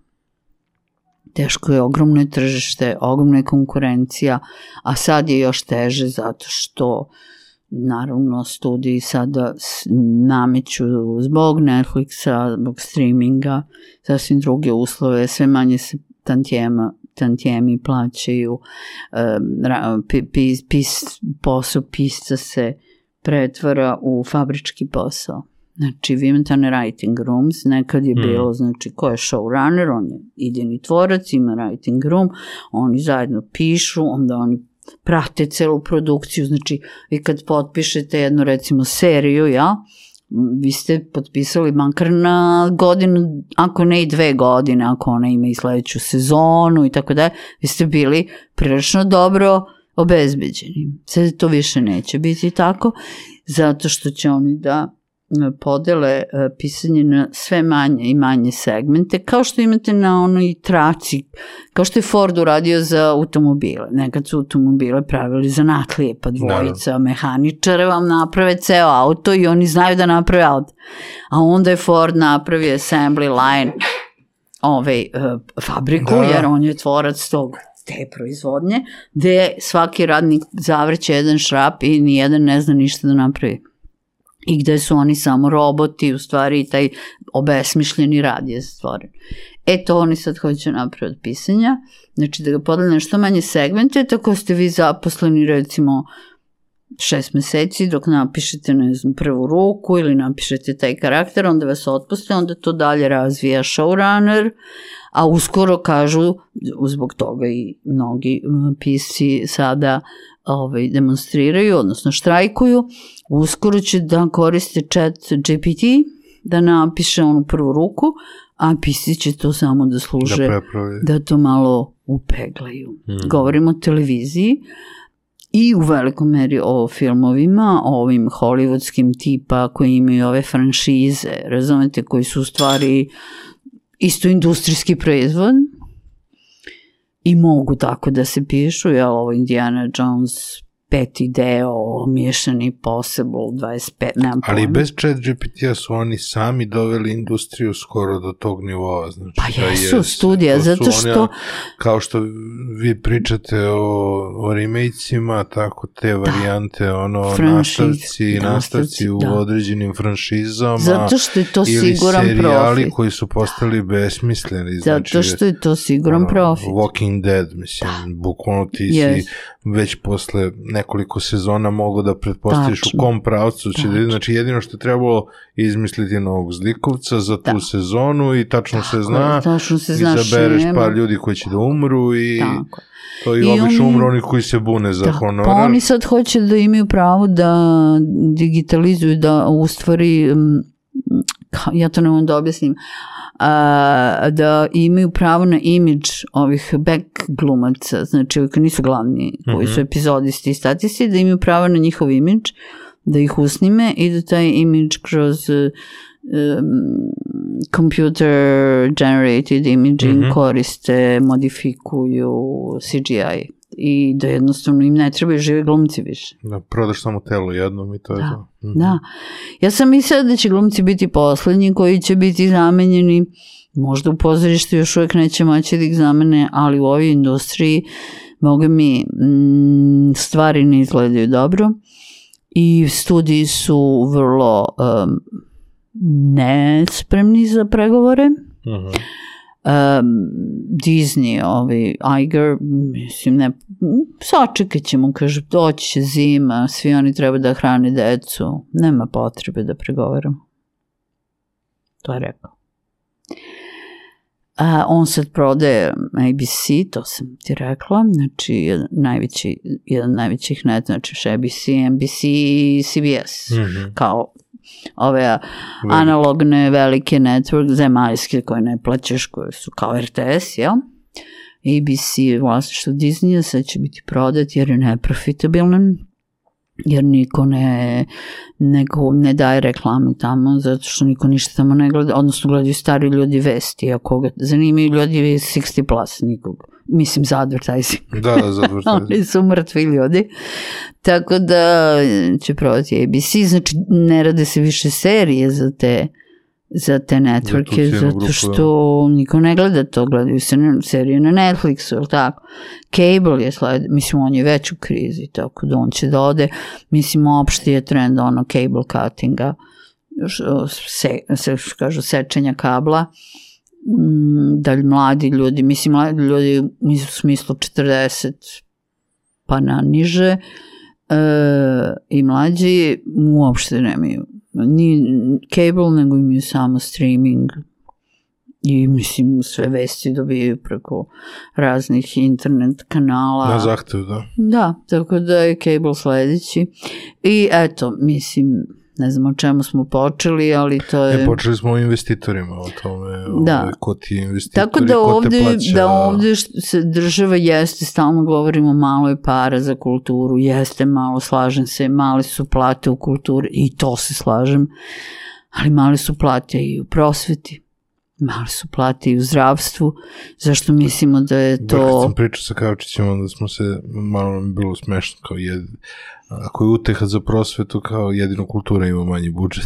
Pa, mislim, ima, da, ali hoću da kažem, bez prosveti i i medicine se ipak ne može, bez kulture se može, kultura je nadgradnja i ako svi stalno govori izgubit ćemo svoj identitet bez kulture, uporno tvrdim da to nije tačno, jer smo 400 godina živjeli bez kulture, nismo imali ni renesansu, ni barok, kao sve normalne uh, evropske nacije, pa smo preživjeli. Preživjeli smo. Znači, jeste, kultura je važna. Ja prva, mislim, se bavim kulturom i, i mislim, želim što više novca u kulturi i što više podrške, ali onda postoji to neko uverenje kao, pa nisu to državne pare, to su sve naše pare kroz poreze, mi imamo pravo, ne znam šta, na ovo, na ono. Pa mislim, da, to su pare koje daju građani kroz poreze, ali zato ti građani imaju subvencionisane karte, besplatne programe, puno stvari koje su im dostupne, ili tako? A s druge strane, ja plaćam porez u Americi, pa ne smatram da je škola od koje je taj porez plaćen moja škola kojom ja mogu da upravljam. Znači, ljudi u kulturi malo su ostali u Titovom vremenu, malo mi bi još uvek da sam upravljaju, malo misle da to sve njima pripada, pa da oni kao mogu da tako odlučuju i tako dalje. Drugo, ja se sećam kad su štrajkovali u Narodnom pozorištu pre par godina, kad je smenjen direktor drame Hubač, onda su napravili štrajk, ali su svi dobili plate, pa mi se to je smešno. Vi ste u štrajku, ali uredno uzimate plate od države protiv koje štrajkujete i država vam uredno plaća plate dok li vi štrajkujete ili kad su štrajkovali protiv Kokana Mladenovića koga su na silu Boga isterali glumci za telja 212 sve plačući i naričući jer ih on tera da, da igraju kad se njima ne igra i vređa njihovo ovaj, umetničko dostojanstvo. Tako da ovi isto su bili u štrajku primali su plate To je smešno, mislim, to je absurd. Znači, hoću da kažem, jeste, malo je para i tako dalje, ali za vreme korone nijedan glumac ili član orkestra nije bio otpušten. Primao je platu, iako nisu radili dve godine, je li tako? Svi su primali plate od te države, čak su i nezavisni umetnici dobijali pomoć preko raznih udruženja od grada i od ministarstva kroz svoje udruženja za vreme korone kad nije bilo posla. To se nije desilo ni u jednoj drugoj državi koju ja znam na zapadu, nego su e, države podržavale institucije u smislu održavanja zgrada i održavanja osnovne administracije koja služi da te zgrade funkcionišu. Znači, da se ne otpusti Dobro. direktor marketinga, direktor pozorišta, uh, finansijski direktor. A od čega su živjeli ansambli? Nema oni ansambala, ne... nema. A dobro, ovde, ovde postoje ansambli. Nema ansambala, sistemu, da... ali su postojali orkestri, na primer, okay. koji su na plati, ali u vreme korone nisu dobili platu. Aha. Jer se ne radi. Kad ne radiš u, u Americi preko leta, nema plate. Znači, ti si na plati, ali ti dva meseca ne radiš, recimo, sezona se završi u orkestru, ne, ne radiš dva meseca, nema plati, ti si profesor univerziteta, na plati, imaš stalno zaposlenje na fakultetu i dobiješ platu do kraja maja. U maju se raspušta fakultet, nema plate do septembra. Dobro, ali ta plata do maja je bila takva da ti isplaniraš svoje financije, pa da, da ih imaš preko možeš. cele godine, pa ti sam možeš, plaćaš da. svoj porez, pa znaš koliko si stvarno dao državi, pa se nešto i pitaš za svoj porez. Tačno. A kod nas svakoga interesuje svoj neto i da bude svakog prvog i jedva čeka da dođe prvi da bi dobio sledeću platu, a nema pojma da na ono što je on dobio neto još skoro toliko je dato državi državi onda se ništa i ne pita u državi, Znam ni da, oko da, društva, ali ni oko kod nas se dešava da neko prima platu, a onda kaže ja za tu platu sad napiši neću raditi ovog meseca jer radim nešto drugo, jer je moja plata mala, pa idem da radim na drugo mesto. I to kao što znaš. Kao neplaćeno, da. Ne, ne, Ne, ne, ne, ti glumac dođe i kaže nemoj da mi staviš taj, taj, taj, taj datum, ja snimam seriju. Mm -hmm. A platu prima. Ne, uzme ne, pa uzme neplaćeno ako baš ode na šest meseci u inostranstvo. Prima tome to su velike slobode, kako da kažem, velike slobode, koje se tolerišu zato što su plate male, ali uh, učitelji ne mogu da dođu i da kažu e, ja četvrtak, petak i subotu sledeće nelje neću da držim nastavu zato što idem u neku privatnu školu da držim pošto mi je plata mala. Jel tako? On to ne može da kaže hirurg ne može da kaže ja neću operisati sledeće dve nedelje, pošto idem da operišem u privatnu kliniku, on ne može to da kaže. To su donali u nekom trenutku, ima, neko, ima neki novi zakon koji to, to koristi mogu. to procentualno. A glumci to mogu i onda oni do, dobro puno snimaju, to je lepo, zarađuju pare, to je lepo, plate su male, to je tačno, ali samo hoću da kažem da moraju da imaju svest da to nigde na drugom mestu ne bi mogli, iako bi im plate isto bile male da rade na zapadu kao glumci, ako nisu velike zvezde, plate su uvek male u umetnosti. Ono što mene interesuje sada jeste sa kojim sve društvima možemo da da poredimo tu podelu u društvu gde je određeni nivo podobnosti ima veze i sa pronalaženjem sponzora i sa pronalaženjem donatora. Ajde da isključimo ovaj deo ovaj državni u smislu ako si već protiv, ako si nezavisan i nećeš da radiš sa njima, ali recimo mislim da kod nas ima tih nekih zaostataka starih vremena gde gde određeni nivo podobnosti odlučuje i oko toga kakve sve sponzore i donatore možeš da pronađeš. Pa nisam sigurna. Moguće da za neke to važi, ali ima, ima umetnika koji su otvoreno protiv uh, trenutne vlasti, a imaju vrlo velike sponzore kao što, mislim, Bijela, mm, koja, mislim, ljudi koji otvoreno se izjašnjavaju protiv ovog režima, ali i dalje mogu normalno da rade, da prikupljaju novac, da dobijaju poslove. Tika Stanić, eto, dobio je najbolji prostor u gradu, a mislim da ne postoji bolje, on nije otvoreno po- podržavao ovaj e, trenutni e, režim. Tako da možda to postoji, ali ne mislim da ne mislim da je presudno. Mhm. Ne mislim zaista. Ne znam, možda, možda ako odete u neku veliku državnu firmu tipa Telekom, ali koliko vidim u svim serijama koje Telekom snima igraju glumci koji su vrlo e, jasno pokazali da su protiv ovih koji su sad na vlasti, je li tako? Mhm. Ne znam, ne pratim baš Pa, sve pa serije, da, da, ne da, na, apsolutno, na pa ne pratim ni ja, ali ja nemam ovaj. te kanale, niti, niti gledam, tele, ja uopšte ne gledam televiziju pre svega, uopšte, nemam televiziju. Znam da ovi koji su glasni su ređi u serijama. Pa ne bih rekla Tika je skoro u svakoj seriji koja dosta snima um, Ceca isto snima neku, neke poznate serije. Nisam sigurna da je Aj, to baš pozvaću ih pa da... da to stoji. da Nisam sigurna da, da su oni zbog toga sklonjeni. Ne, Da, da. ne, ne, nis, možda grešim, ali ja ne živim ovde non stop.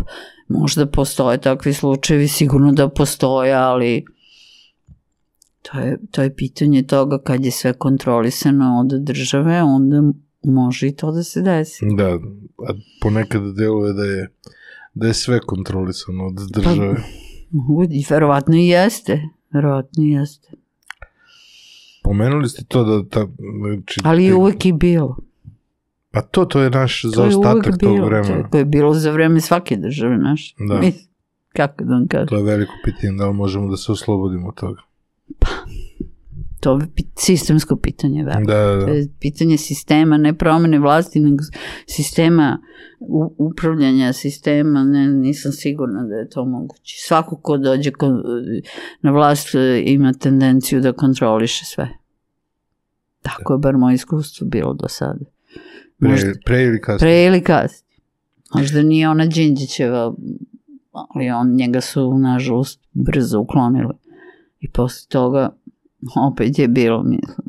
Da se uzmu, da Ili ste s nama ili ste protiv nas. Kako ste rekli? Ko 45. pa da, ili ste s nama ili ste protiv 45. nas.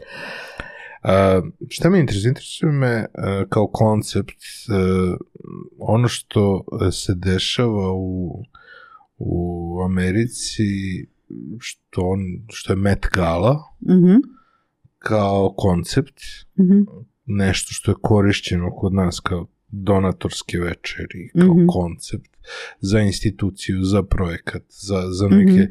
mislim da se nedovoljno koristi ovaj, kod nas, mhm. a da je recimo a, nivo iznad nivo iznad donatorstva, da se opet daje neki, neka pripadnost nekoj grupaciji, Mhm.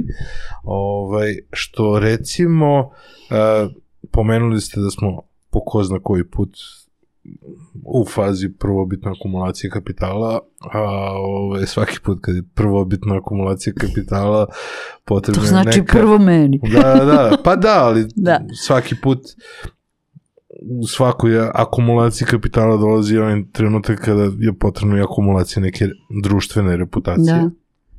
A mislim da takvi događaji mogu da, da omogući takve stvari. E, kako možemo da da iskoristimo neka iskustva tih donatorskih večeri, donatorskih događaja i slično. To, na to, to, bolji da, način. to je jako, jako dobra observacija. Ja moram da kažem da je recimo svojevremeno, da opet pomenuta Svetlana Bojković kada je bila um, predsjednik udruženja dramskih, to je bilo dosta davno, ona je pravila fantastične donatorske večeri u Hajatu, koje su služile za prikupljanje sredstava da bi se pomoglo glumcima penzionerima, e, glumcima koji su imali male penzije i u provinciji i uopšte članovima našeg udruženja koji nisu mogli da, da opstanu na tim malim penzijama i ona je radila svake godine taj pravi zapadnjački fundraising, ona je to tako fantastično radila, zato što je koristila jeli, svoj autoritet i svoj popularnost i ugled. Nju nijedan sponsor nije mogao da odbije, nju ona je dobijala i, i slike i radila aukcije slika i glumci su tu nastupali i prodavala je tako, prodavali su se ti stolovi u Hajatu, to su kupovale firme, kompanije pa su pozivale svoje goste, od tog novca je, to je taj novac je išao za jeli, kasu udruženja i, na, i bila je uvek aukcija slika gde su gosti jeli, bidovali i dizali cenu i onda je ta slika prodavana nekom od gostiju, a taj novac je opet išao u fond i to je bio onaj klasičan odlično određeni fundraising, sve dok je ona bila predsednik udruženja. Kad je ona otišla, to su prestali da rade, jer to, za to je potrebno stvarno to, to, jedan ozbiljan fundraising event zahteva barem 3-4 pa meseca ozbiljnog rada, da vam ne govorim da Met Gala se održava svakog valjda prvog nedeljka u septembru ili tako nešto, ili maju. Oni sigurno rade cele godine. Kad završe Apsolutno, jednu, oni počinju on- sledeću. počinju. da, da. I to je ogroman tim ljudi. Mislim, to je veliki, veliki, veliki posao, ali naravno vrlo potreban. To je, kažem, Met radila Gala je ona. vezan za, ja to nikad nisam razumeo, samo Za Metropolitan, malo da. Samo digresija, ali postoji Metropolitan opera i postoji muzej. Muzej, ovo je za muzej. Da, da, da, a Za oni institut- međusobno su povezani Ne, ne, ili ne, ne, nisu, ne, ne, ono? nemaju nikakve veze, Da, da, to, to je prosto to- gradski, Da, da, da, ali metropolitan ono grad. kao, A, to je e, Metropolitan Fashion Institute, Costume Institute, to je deo Metropolitan muzeja i to je u stvari e, počela Dan Reland kada je bila urednica Voga, mhm, mhm. davno, davno, davno, ona je počela da radi te fashion shows sa tim institutom za kostime i to je sad nastavila Ana Vintur na mnogo, mnogo, mnogo, Da, da. mnogo razvijenijem nivou.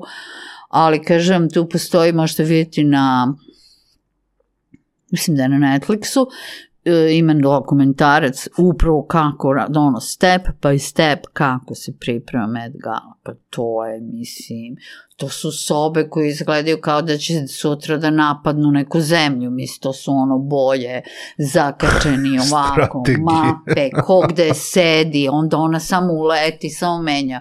Ko je? Ovaj ovde. Samo skloni nekog. Ovaj, ove godine neće doći. Mislim, to, to a, da ne govorim uh, catering, a da ne govorim koncepti. Koncept svake godine, svaka izložba ima neki koncept i tako da. To su ogromni napori i ogroman novac koji mora se uloži. Ja sam bila u, u bordu jednog pozorišta u uh, Vašingtonu, mm, mislim jedno pet godina i svake godine smo mi imali fundraising gala, Mhm. jer to jeste stvarno jedno sredstvo gde vi prikupljate novac, ali tu je, to, je, to, to smo mi kao članovi borda u stvari najangažovaniji, jer vi pozivate svoje prijatelje, kupi sto, kupi ulaznicu, kupi, mm, mislim, radite taj lobbying, da tako kažem, i networking da biste privukli što više ljudi da prodate Da, što više nekako, ulaznica. nekako imam utisak da je to kao kupi ulaznicu, kupi sto, Pa da, ali to su jako skupe ulaznice. diskretnije, kulturnije nego daj mi pare. Pa jeste, jeste to, zato se i rade, mislim, između ostalog radi se i to, a radi se i daj mi par. Znate kako Kennedy, ovaj, Michael Kaiser iz Kennedy centra koga sam pominjala, kad je, sam bila tu na nekom njegovom predavanju, on kaže ovako počinje moj dan. U 8 ujutru, moj prvi sastanak je sa mojim direktorom marketinga. Marketinga. I mi analiziramo gde smo pomenuti u medijima, šta je urađeno za institucionalni marketing. On se uopšte ne bavi programski marketing. Mislim, Da, programski marketing ima on tim i ima svog direktora marketinga, ali njega zanima institucionalni. Koliko puta smo pomenuti prošle nedelje, gde možemo da budemo pomenuti, gde ćemo da se pojavimo, s kim i tako. To je jedna stvar, a onda radi ceo dan, da ima sastanke, ima dogovore, ima telefone, ima. Ve, završava mu se dan u sedam uveče, svakog večeri, na večeri sa nekim donatorom. Jer mora donatore da, da tetka, tako, Da, da. da ih pazi, mora da izvede ne tetku nosi na cveće.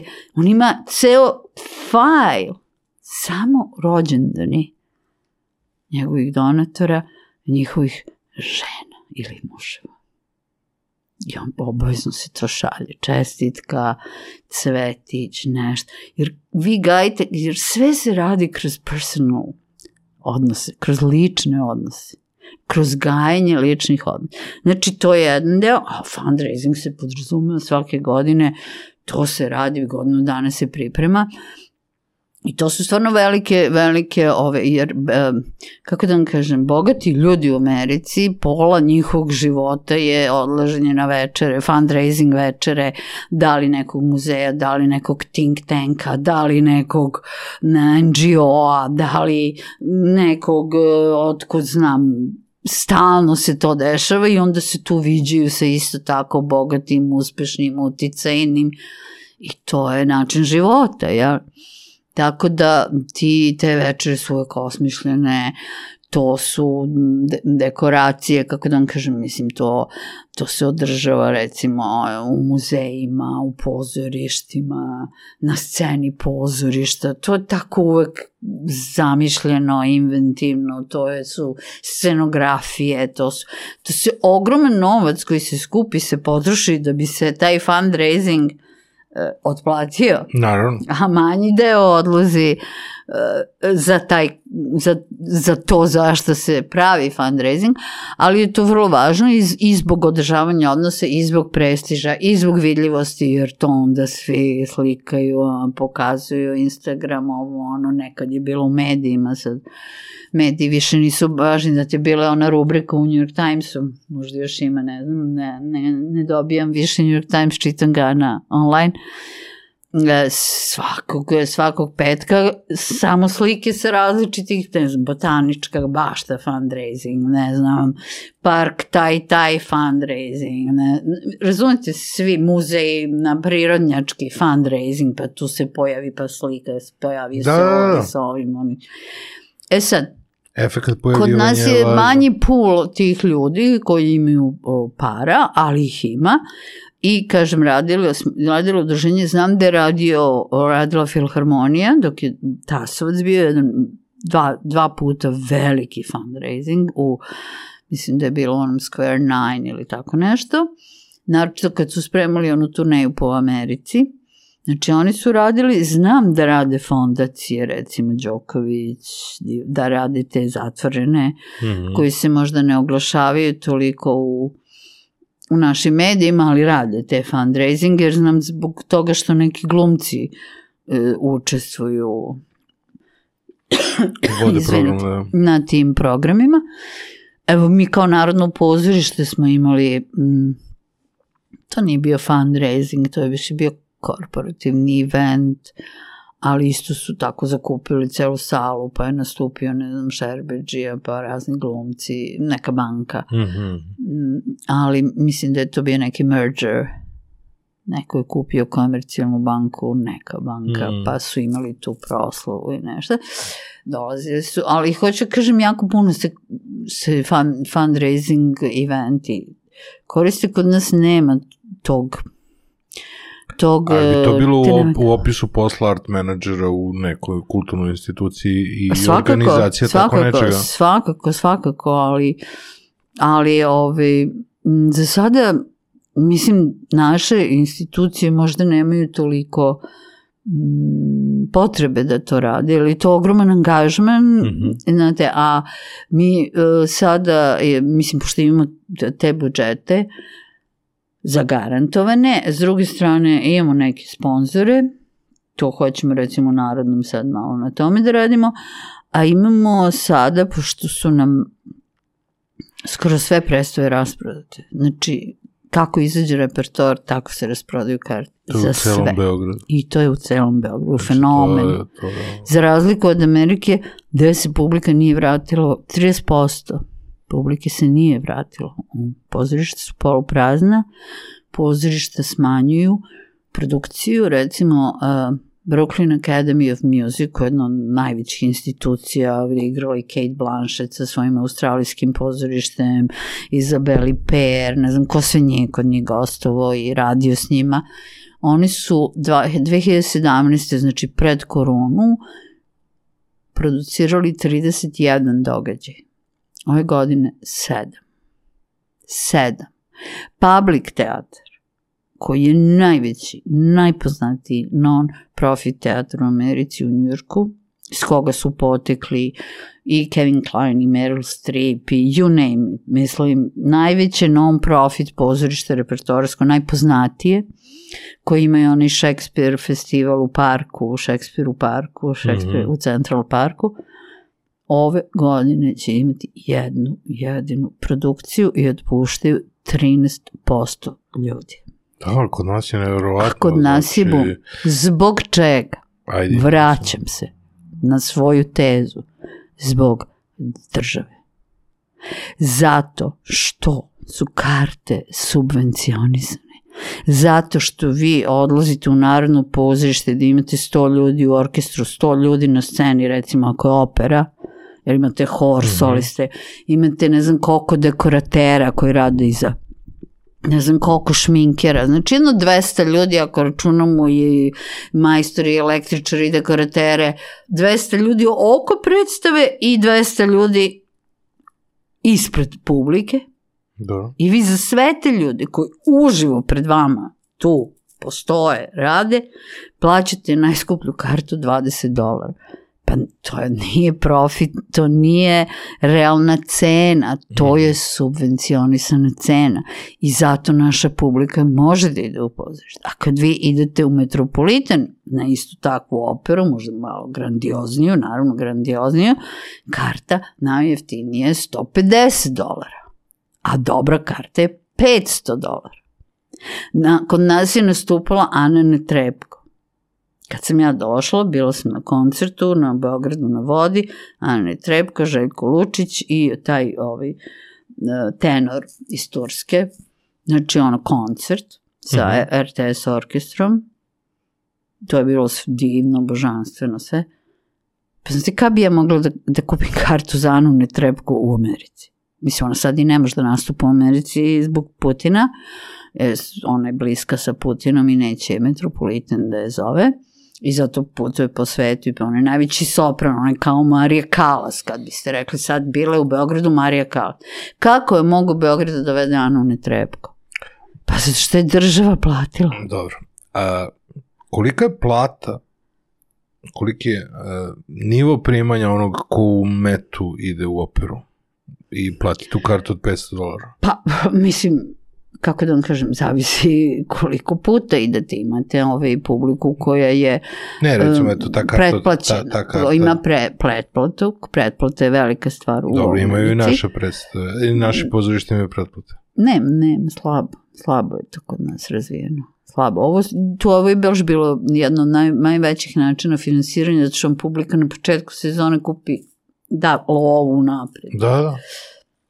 Ali Kod nas njihova- gomila ovih gradskih pozorišta, ja sam iz male sredine, tako da ovaj, znam da većina E pa možda tih u pozorišta manjem. imaju... e, da, zato što je to pretplate, da, odličan da. način finansiranja. Odličan Da. način finansiranja pozorišta, ali ovde u Beogradu ne. Dobro, ali generalno mi interesuje, znači recimo ta karta od 500 Da. eura, evo recimo i karta za najbolju operu koja se daje u Narodnom pozorištu u toku godine. Koji su to neki reperi primanja u Njujorku i koji su prim, ovaj, primeri toga Pa evo, u... evo, mislim da vam kažem, evo, ja recimo pripadam m, srednjoj klasi, ja? Niti sam, nisam siromašna u Americi, a nisam ni ona najbogatija. Znači, nekoj solidnoj srednjoj klasi. Ako ja hoću da odvedem svoju čeru u Met ili na Broadway, znači, njena karta, moja karta, ako idemo i možda, to je hiljadu i po dolara. Mhm. To su za nas značajne pare. Mislim, to nisu male pare. Naravno.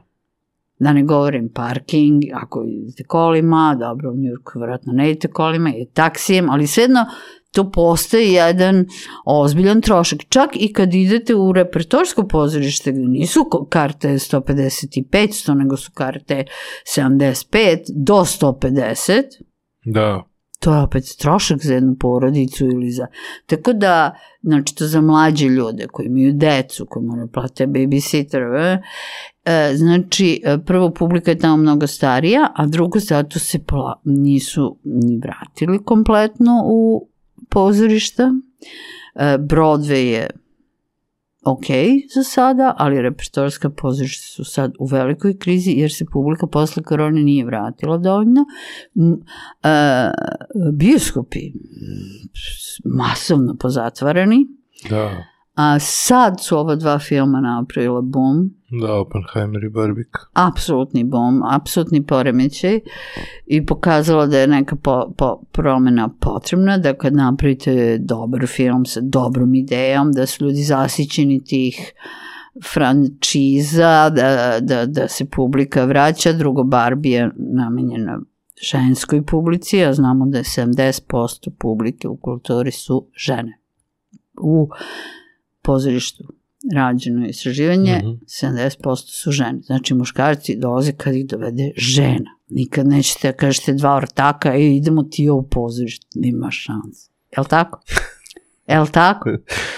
Jeste. Tako je. Znači, kako Mislim, vas... Na osnovu uzorka od jedan. Pa, ali ja vam kažem, ja sam godinama u pozorištu i uopšte u kulturi. Nema šansi. Ajde, možda će da odu na koncert ako su neki ljubitelji klasične Stand-up. muzike. Stand-up, to je zabava. Mm, Dobro, ponekad na nivou umetnosti, ali to je drugo. To je drugo, verujte mi. To je drugo. Ali da odu sad dva ortaka, kao idemo ti ja da gledamo. koncert i stand-up predstava, znači neka Idemo ti, humoristička. idemo ono, ti ja na. Magbeta si. A, da, ođe.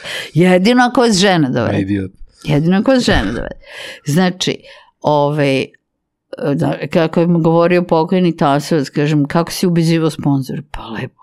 Dođem kod njega i kažem, slušaj, treba da mi da, ima da mi daš sad za ovu sezonu, ne znam, na primjer, lupam, 2000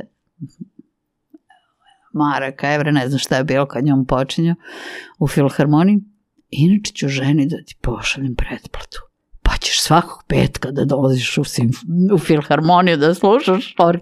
Oj, nemoj da joj šalješ pretplatu, evo ti sponzorstvo, samo joj ne šalji, jer onda on mora da ide s njom na koncerte, razumete? To smo se šalili Mm. kako mu, muškarci nisu, znate da je naj, najveće pitanje za sve marketing ljude u kulturi, eh, pa i u industriji zabave je where are men? Gde su muškarci? Kako da nađete? Kako da targetirate muškarce? Muškarci ne kupuju beletristiku. 70%, 75%, evo, slušala sam ovoga što, dečka što ima buku, na primjer, Mhm. ili žene kupuju knjige na beletristiku, literaturu, možda muškarci kupuju neke ove istorijske biznis, kultura, znači, pozorište 75% žene po istraživanju Instituta za kulturne studije, a i po mom ličnom praktičnom znanju. E, znači, e, filmovi su e, ovi ko hollywoodski uglavnom namenjeni muškarcima. Mm -hmm. Slabo ima filmova koji targetiraju žene i evo ga sad Barbie. House, mislim, najveći box office u poslednje četiri godine i najveći box office ikada, četvrti, četvrti ikada box office u prvom vikendu je napravilo Barbie. A najveći box office ikada za film koji je režirala žena, Greta Gerwig. Aha. Znači, apsolutno. I onda Oppenheimer, on nije postigao kao Barbie u odnosu na uloženi budžet, jel? Ali su se dobro potrefili su jer su kao fenomenalno- napravili taj neki sukob, kao Pa bez ne razloga. sukob, nego baš sinergiju, kao Barbie i Da, Heimer. da, Barbie, Barbie ili Heimer. ovo, ili, znači ovaj, ako gledate Barbie, sigurno morate dodati i na Oppenheimera. Baš su se podržali, zato što nisu valjda slični. I, I taj Oppenheimer je isto, prvo Chris Nolan, mislim, Mm. svi ga obožavaju. Drugo, ovaj, ta tema atomska bomba, mislim, sad i u ovo vreme. Tema koja je promenila svet, da. Da, mislim, taj bi- biopic i kažu da on to snimao ludilo, da sad u Americi, mm, pa ste, oni su sami ograničili distribuciju Oppenheimer, zato što imate samo 77 IMAX ekrana u Americi koji imaju 70 mm Aha. ove, dimenziju i na kome to izgleda, kažu, naročito ta prva eksplozija, te probe u Arizoni kažu da je to nešto nestvarno, ali recimo u DC-u nemate ni jedan ekran od te veličine. Imate IMAX ekrane, ali 40 mm. Imate spisak i oni će da u tim 70 mm da puštaju mesec dana, A pa onda šire. tako da će ljudi da putuju iz grada u grad ako hoće da gledaju na tim velikim pravi. IMAX-ima, jer on je snimao s tojim IMAX kamerama u pustinji. Kažu da je to bio jako naporan proces, užasan, ne znam zbog čega, šta je tu komplikovano s tim IMAX kamerama. Uglavnom, znači, masterpiece i u vizualnom, i on je time vratio isto publiku, jer kažu da je prosto šteta gledati ga na Na ekranu. čekati na Netflix da dođe. Razumem da, da ipak na tim velikim ekranima je fascinantno, plus taj biop, biopik, ta biografija, atomska bomba i Barbie, mislim, koja je ono mega giga ženska priča za svaku ženu koja je odrasla u poslednjih 30 go- ili 40 godina je odrasla uz neku Barbie Mm. zna je. Tako i pritom Ryan Gosling i Margot Robin, dobro, ona je bila box office otrov, što kažu Poison, mislim flop joj je bio svaki film, ovo je valjda prvi koji je napravio takav uspeh. Tako da, mislim, ta dva filma kažu da su napravila sada ono što se kaže, kako se kaže na srpskom, disruption, poremećaj, Mhm.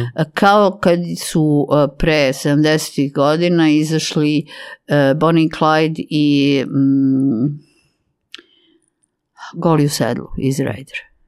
Sedlu. Jer on, oni su napravili taj disruption u odnosu na studio sistem, Aha, na studijske te filmove koji su bili ono već kliše i već to što ti kažeš kalupljeni i napravili su u stvari početak tog indie indie filmova u Americi, onih koje smo mi najviše posla obožavali. Slobodni voleli. u prostoru. Pa da, Taxi Driver, Taksista, Scorsese, sve to došlo posle, posle u kroz te indie, eh, in, in, indie u smislu od nezavisno od studija. E. Tako Jedna da, velika pohvala za za ovaj, poglavlje u knjizi. Netflix stiže, a baba, Baba se češlja. Znači, to me oduševilo. Hvala. Ovaj, baš me oduševilo. Oduševilo kao naslov. Ovaj, gde još možda se kupi osim u vulkanu? Ili ima još... Pa ja ne znam da li oni to, oni imaju jako puno knjižara, ja mislim, imaju i po Srbiji knjižare, imaju nekoliko u Beogradu, imaju i po celoj Srbiji, tako da pretpostavljam da pre svega u vulkanu, a možda imaju distribuciju još nekim prevodom, kažem, ne znam tačno da kažem. Kako bio efekt na onoj promociji? Promocija je bila vrlo zabavna, vrlo zabavna. Prvo bilo mnogo više ljudi nego što sam očekivala. Dobro, to nije problem, imam veliku familiju.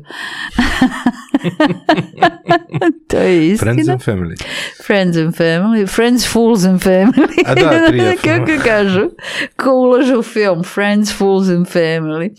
Ove, e, bilo je jako lepo, bila je Ana Martinoli, profesorka sa menadžmenta kulture u, na, na fakultetu dramskih umetnosti koju ja jako cenim, volim, volim što je ona jedna nova generacija i što je govorila tako iz perspektive nekoga ko je došao posle mene, ko je možda pratio ono što ja radim i ko smatra eto, da, da ta knjiga može da novim generacijama malo nešto ukaže, pomogne, govorio je Nebojša Broćić koji je bio meni ovde i predgovor pisao, isto vrlo zabavan, odličan, on je teatrolog, doktor mm, teatrologije i reditelj, Tako da je bilo zabavno i bi govorila je Marija Radić koja je mlada urednica, ceo tim u Vulkanu je mlad što mi se mnogo sviđa i, direktorka marketinga i direktorka PR-a i urednica su ovi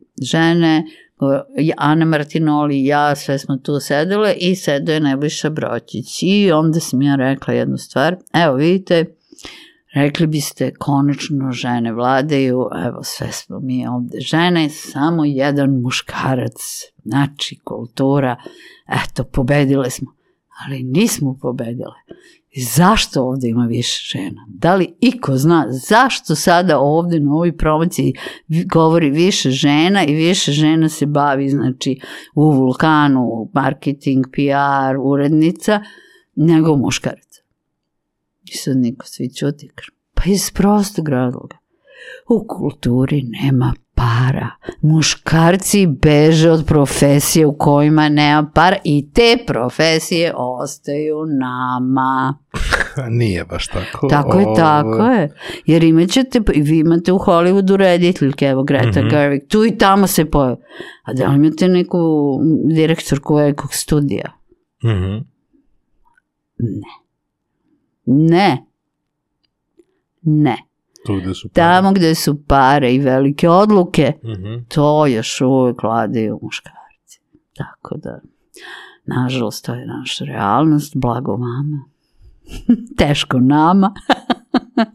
Ali tako je, jeste, to je, to je apsolutno činjenica u IT-u, mislim, pa ti verovatno znaš, to je veliki problem Pa da. Nema mnogo žena koje vlade. Možda ima žena koje rade, ali nema mnogo žena koje su chief engineers, koje su CEOs, koje, ne. Silicon Valley, come on, that's, to je ono body body boys club. Boys club.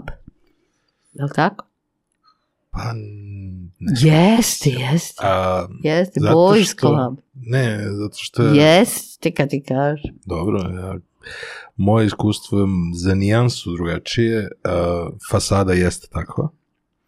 I na prvom mestu su, nažalost, samo muškarci. Jako teško na, naići na ženu koja je osnivačica nešto. Ono što je interesantno, što kad malo bolje upoznate celu priču, najčešće je osoba broj 2 ili osoba broj 3 u velikim sistemima koji su uspeli koji su uspeli da dođu do tih nivoa žensko. Žensko je mreža, žensko je duša, žensko je neko To ko to povezuje i bez ženskih osoba na tim pozicijama redko kad bi većina tih velikih sistema uspela, ali to je taj problem i marketinga i svega ostalog što čak i u, u borbi za muško-ženska prava svi gledaju samo tu fasadu koja je na prvom mestu, kao da je to prvo mesto jedino i ultra najvažnije, ali to je ta glava koja probija zid, to je taj ono udarna pesnica, neka mesta koja su pa rekao bih uz dužno poštovanje istorijski nekako uvijek bila namenjena Pa, istorijski nisu bilo nam, nego istorijsko su vam pripadala. Znam, ali... Niko nas nije pitao da li smo vam namenili. Ne, to se slažem potpuno. Imam jednu, jedan tekst. Ja se za- sjećam studentskih protesta pre 20 i više godina, gde je ženska linija bila ona koja nosi šetalicu. Da. Ali ako krene policija ka nama, muškarci idu, E, pa idu to je, ispred. to je istina. To, To je ta- je istina, to je, to su, to je sve ja istina, u da. neki yin-yang, Jeste. gde postoji, pos, e, važno je da ne postoji nametanje i važno je da je sve stvar poštovanje i dogovor. Da. To je moj neki stav. Apsolutno se slažem. Mislim, im, imam ja jedan tekst, ne znam da li ušao u knjigu koji se baš zove to Cherchez la femme, potražite ženu. Znači, kad gledate uspešne muškarce, samo pogledajte iza. Kao onaj sto- kamen. 100% su Kao- iza žene koje vaš sve obavljaju za da- njega, koje sve rade i to je Cherchez la femme. A isto to i što si sad rekao za proteste, moja omiljena, ovaj, jedna od mojih omiljenih feministkinja, Kamil Palja, koja je napisala jednu od mojih omiljenih knjiga eh, Sexo Personae, seksualne persone, ona je, eh, jako je feministkinja rekla, ali čekajte, kad dođe ono, stani panika, padne sneg, pa treba se čisti, to su muškarci. Kad padne drvo, pa treba da se seče ili skloni, to su muškarci. Kad je rat, ne de Bože, to su muškarci. Znači, u najtežim situacijama muškarci izbacujemo u prvi plan i Koliko oni... je bilo feminista na Titaniku? I, To je, to je čuveno pitanje, Da. mislim, ko, koliko je bilo feminista na Da. Titaniku koje su rekle Jeste. ne, hoćemo da budemo ravnopravne sa Da, muškarcima. ne, nego si prve ulaze u čamac. Tako da to je apsolutna istina i, i da muškarci nose teret teških stvari u društvu, to je isto istina. Tako da, svako ima svoju ulogu Jest, u svemu tome. Je, Um, novije generacije. I to mi je negde moj chapter koji bih ja dopisao na ovu knjigu je od TED Talka do TikToka. da, da, Znači, da, Nekako TED Talk to nas je je dobro, da. zalepio za internet. To je dobro. TED Talkovi su nam otvorili mogućnost da uđemo u ideje i u neke nove vizije budućnosti, tehnologije, Mhm, nauke, društvenih mhm. nauka i otvorili su nam tako tu, mislim da je Chris napravio sjajnu stvar sa tim formatom od 18 minuta i sve to. I onim treninzima i kako su ih učili da govore. Da, I sad smo došli do tih kratkih videa Mm. koji potpuno okupiraju To mi se sviđa od TikToka do TikToka, to je stvarno cool. Da, čudno je kad se Cool. napiše, ali kad se izgovore dobro, dobre, ne. zato što se isto izgovore Ne, jedno to. i drugo. I ove, kako smo došli do te ultra kratke pažnje, gde više, a opet imamo binđovanje. Znači sad je binđovanje interesantan artefakt Tako. u svemu tome, znači došli smo do toga ultra kratke Tu- pažnje, Tu uvijek citiram svoju čerku. Ona ima 22 godine. I kad sam mi rekla, sad je otišla u bioskop po 100 godina da gleda šta? Barbie. Ali ranije, ja kažem, pa i da gledaj neki film. Ona kaže, mama, ne mogu da gledam filmove. Ja kažem, zašto ne možeš da gledaš filmove? Pa mnogo su dugački, a kratko traju. Ja kažem, kako misliš, mnogo su dugački, a kratko traju? Pa mama, utrošim dva sata i onda nema dalje epizoda. Ona je dugačak je, ona, potre, ona je investirala dva sata, a nema nastava kao serije. aha, To binđovanje, a nema da binđuje. I sad, što sam ja gledala dva sata, sad moram da prestanem, nema dalje. To je to što si ti rekao. Znači, imamo skraćenu pažnju, znači to TikTok, a s druge strane imamo binđovanje. Potrebu Kao za gledaš kontinuitetom, potrebu za kontinuitetom, pa da gledaš satima, pa da se izgubiš u gledanju. I to je stvarno čudan fenomen ako, ako razmislimo o tome. Nisam se time bavila, ali mislim nisam duboko o tome razmišljala, ali stvarno jeste čudan fenomen, jer i moja čerka binge serije. Pa kad ima vremena, naravno, pa uzme pa gleda ono pet sati. Ne znam, normal people ili šta već ona gleda.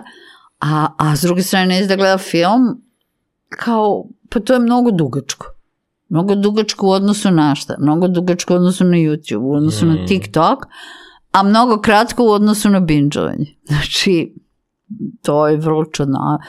Ali da, sve, sve, pa i moja pažnja je skraćena. Mi, meni je sve teže, mislim, moram potpuno da se isključim da bih uronila u neku knjigu, ako hoću, govorim o literaturi, ne o stručnim knjigama, nego recimo ako hoću neki roman. Mm. Sve mi je teže da pronađem tu koncentraciju, jer smo nekako naučeni, valjda taj dopamin s tim porukice, brzo, raste nam dopamin na to, pošto kažu da sve to radi po principu ono, Da, da, frekvencija. frekven- da, kocke, ko, Da, da, da, znaš, ono, ting, ting, ono, kao oni aparati, kako se zovu, Da, ovaj, za kockanje. za kockanje.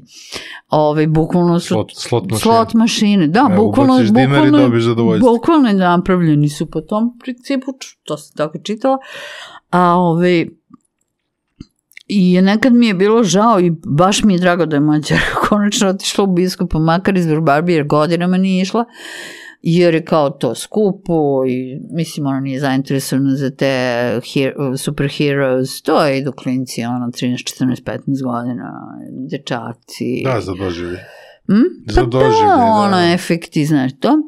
I drago mi je da, da je otišla, ali bilo mi je mnogo teško kad sam gledala kako ponekad gleda na telefon Mm. i u vreme kad sam ja snimala filmove kao producent i znam koliko se reditelji trude oko kadra, oko ne znam da li je ovako, da li je iz ovog ugla, da li je široki, da li.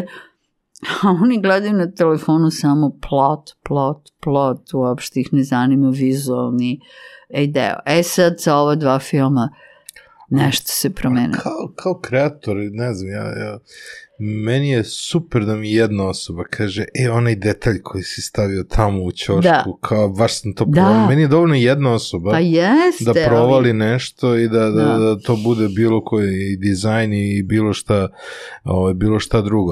Uh, I ono š, o čemu još hoću da pričam, 2015.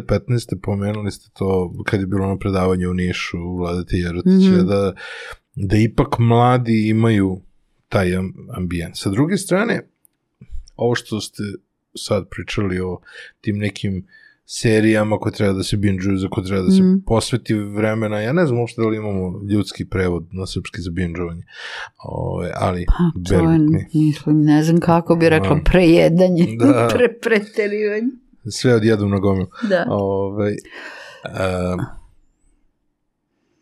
bio je drugi eksperiment, baš u Washingtonu, u metrou 2007. Da, da, da, Znate da. na što mislim? Da, da, znam. Na Joshu Bella, Joshua Bell, da. koji je svirao violinu i kome su koncerti bili rasprodati, bukvalno svi unapred, kada se zna. I to vrlo skupo. Kada Ovo što smo pričali po 300 dolara karte je. koliko se prepoznaje umetnost bez da postoji preporuka, bez da postoji, jer ja gledam, ja sad trenutno gledam serije, ne koje sam sam izabrao, nego za koje su mi prijatelji rekli Mhm. gledaj. Pa to je ono, šta će nam u buduće najviše trebati? Curators, kuratori, znači Mhm. ko će da ti bira ponovo sadržaj. Znači išli smo ka totalnoj demokratizaciji da može sve, sve nam je dozvoljeno, a sad opet hoćemo da imamo stručnjake, curators ili ne, neki ljudi čiji ukus verujemo, bilo da je to urednik ili urednik filmskog programa, ili, koji će da nam napravi neki izbor. Ali to što si pomenuo Joshua Bella, znači da, da svirao u metrou na istoj violini, istu kompoziciju koju će uveče svirati u Strathmoru u koncertnom centru gde su ljudi plaćali 500 dolara, 300 dolara da, da dođu da ga čuju na najprometnijem metro stanici na ko, kroz koju idu ljudi, oni koji rade State Department, znači ono white collars, obraz, obrazovani ljudi, nije siromašna Nije tek tako, da. Da, e, je zaradio 10 dolara. Niko živi nije stao da ga sluša, sem nekog deteta koga je majka jedva odvukla da ga ne sluša. Što znači šta? Ono što smo, s čim smo počeli ovaj razgovor, e, kontekst. Ume, za umetnost je važan kontekst u koji ga staviš. E, znači, on u, u Stratmoru ima kart, ljudi dođu tamo, oni sednu, oni se fokusiraju, oni su spremni da ga slušaju i spremni su to da plate. U metrou oni žure, oni jure na posao, oni, oni ne obrate pažnju, niti ga čuju. Jer je kontekst nije dobar, nije pravi. Znači, da bismo stvorili kontekst, potrebno je, znači, okruženje, često je mesto važno, ali, da li je koncertna sala ili metro, venju, i važno je to marketing, pozicioniranje, komuniciranje, skretanje pažnje. To je ključ današnje savremene umetnosti je kontekst.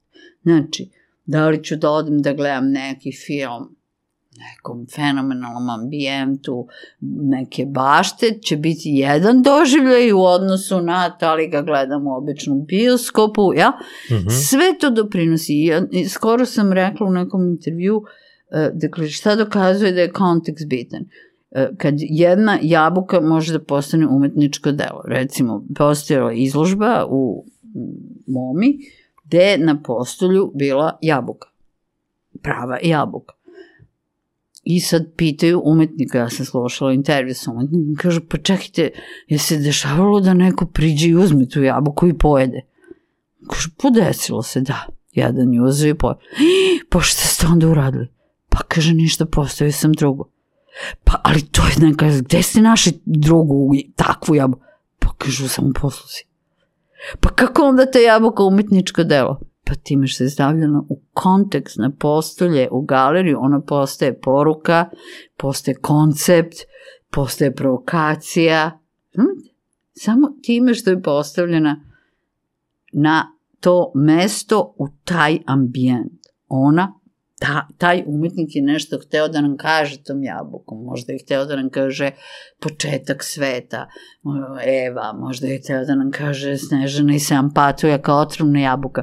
Znači sve je na meni i da komuniciram, da asociram kao kao posetilac šta, jer ta jabuka je postala umetničko delo kao što su i platna, ne znam, Marka Rotka, znate, nje, on ima ono crno platno, belo platno, crveno platno.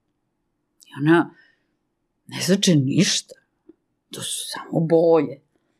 Ali proizvode nešto, samim tim kad sam ja došla tu, kad sam pogledala u tu boju. I znate kako je jedna kustoskinja koja je predstavljala Mark Rothka prvi put u Londonu, uh, ona je napravila da publika, pošto je galerija bila na prvom spratu, pa su bile neke stepenice do te sale gde su bile izložena ta njegova ogromna platna, ona je po svim tim stepenicama postavila crvene ruže.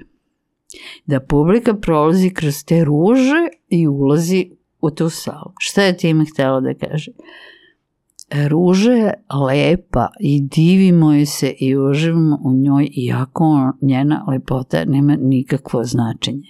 E, to je isto i abstraktna umetnost. Mm. Kao neka ruža, samo na isti način izaziva kod nas emocije, asocijacije, lepotu, a ne mora ništa da znači. Umetnost ne mora uvek da ima značenje, ne mora uvek da ima poruku samo da ne izazove im, u impresiju. Eto. To mi se jako dopada kao kao kraj ovoga, mada znam da je, ima jako mnogo kritičara moderne umetnosti. Pa ima i, da i to je veliko pitanje. da se umetnici samo sprdaju sa nama. Deluje, pa imam ja i primjer i toga. No.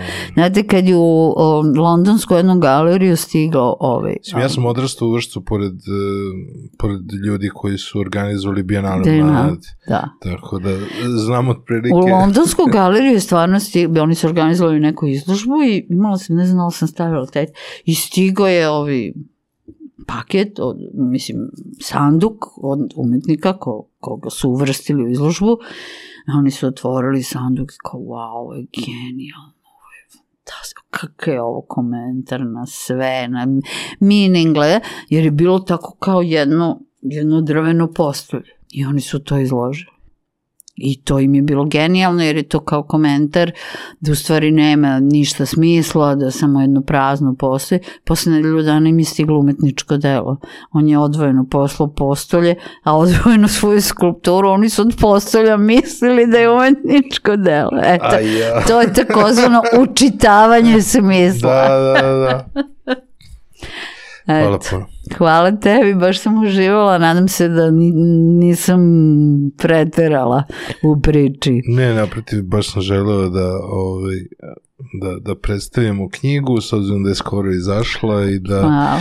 mislim da ne znam šta će sve biti sa našim društvom, ali voleo bih da imamo više ljudi koji se bave menadžmentom u umetnosti, menadžmentom u kulturi i da imamo više ljudi ovaj, koji tu umetnost ili stvaralaštvo na ovaj ili na ovaj način žele da podrže. Apsolutno se slažem i nadamo se da će tako i biti. Zato i pričamo ove Eto priče. malo guđbenika za, za tu priču. Hvala. Hvala vama. A vama hvala što ste gledali još jednu epizodu, još podcast 1. Ovo je bio moj razgovor sa Milenom Garfield. E, e, Potražite u Vulkan knjižarama njenu novu knjigu Umetnost je naš posao. E, Hvala našim sponzorima. Hvala našim sponzorima, to je Beans Kafa uz koju razgovaram sa svojim gostima i to je Scandinavian Design Center u čijim stolicama sedimo. To bi bilo to. Ostavite nam neki share, like, subscribe, ostavite nam neki komentar. Uh, slušamo se i gledamo se sledećeg četvrtka. Ćao, čao. Bye, bye.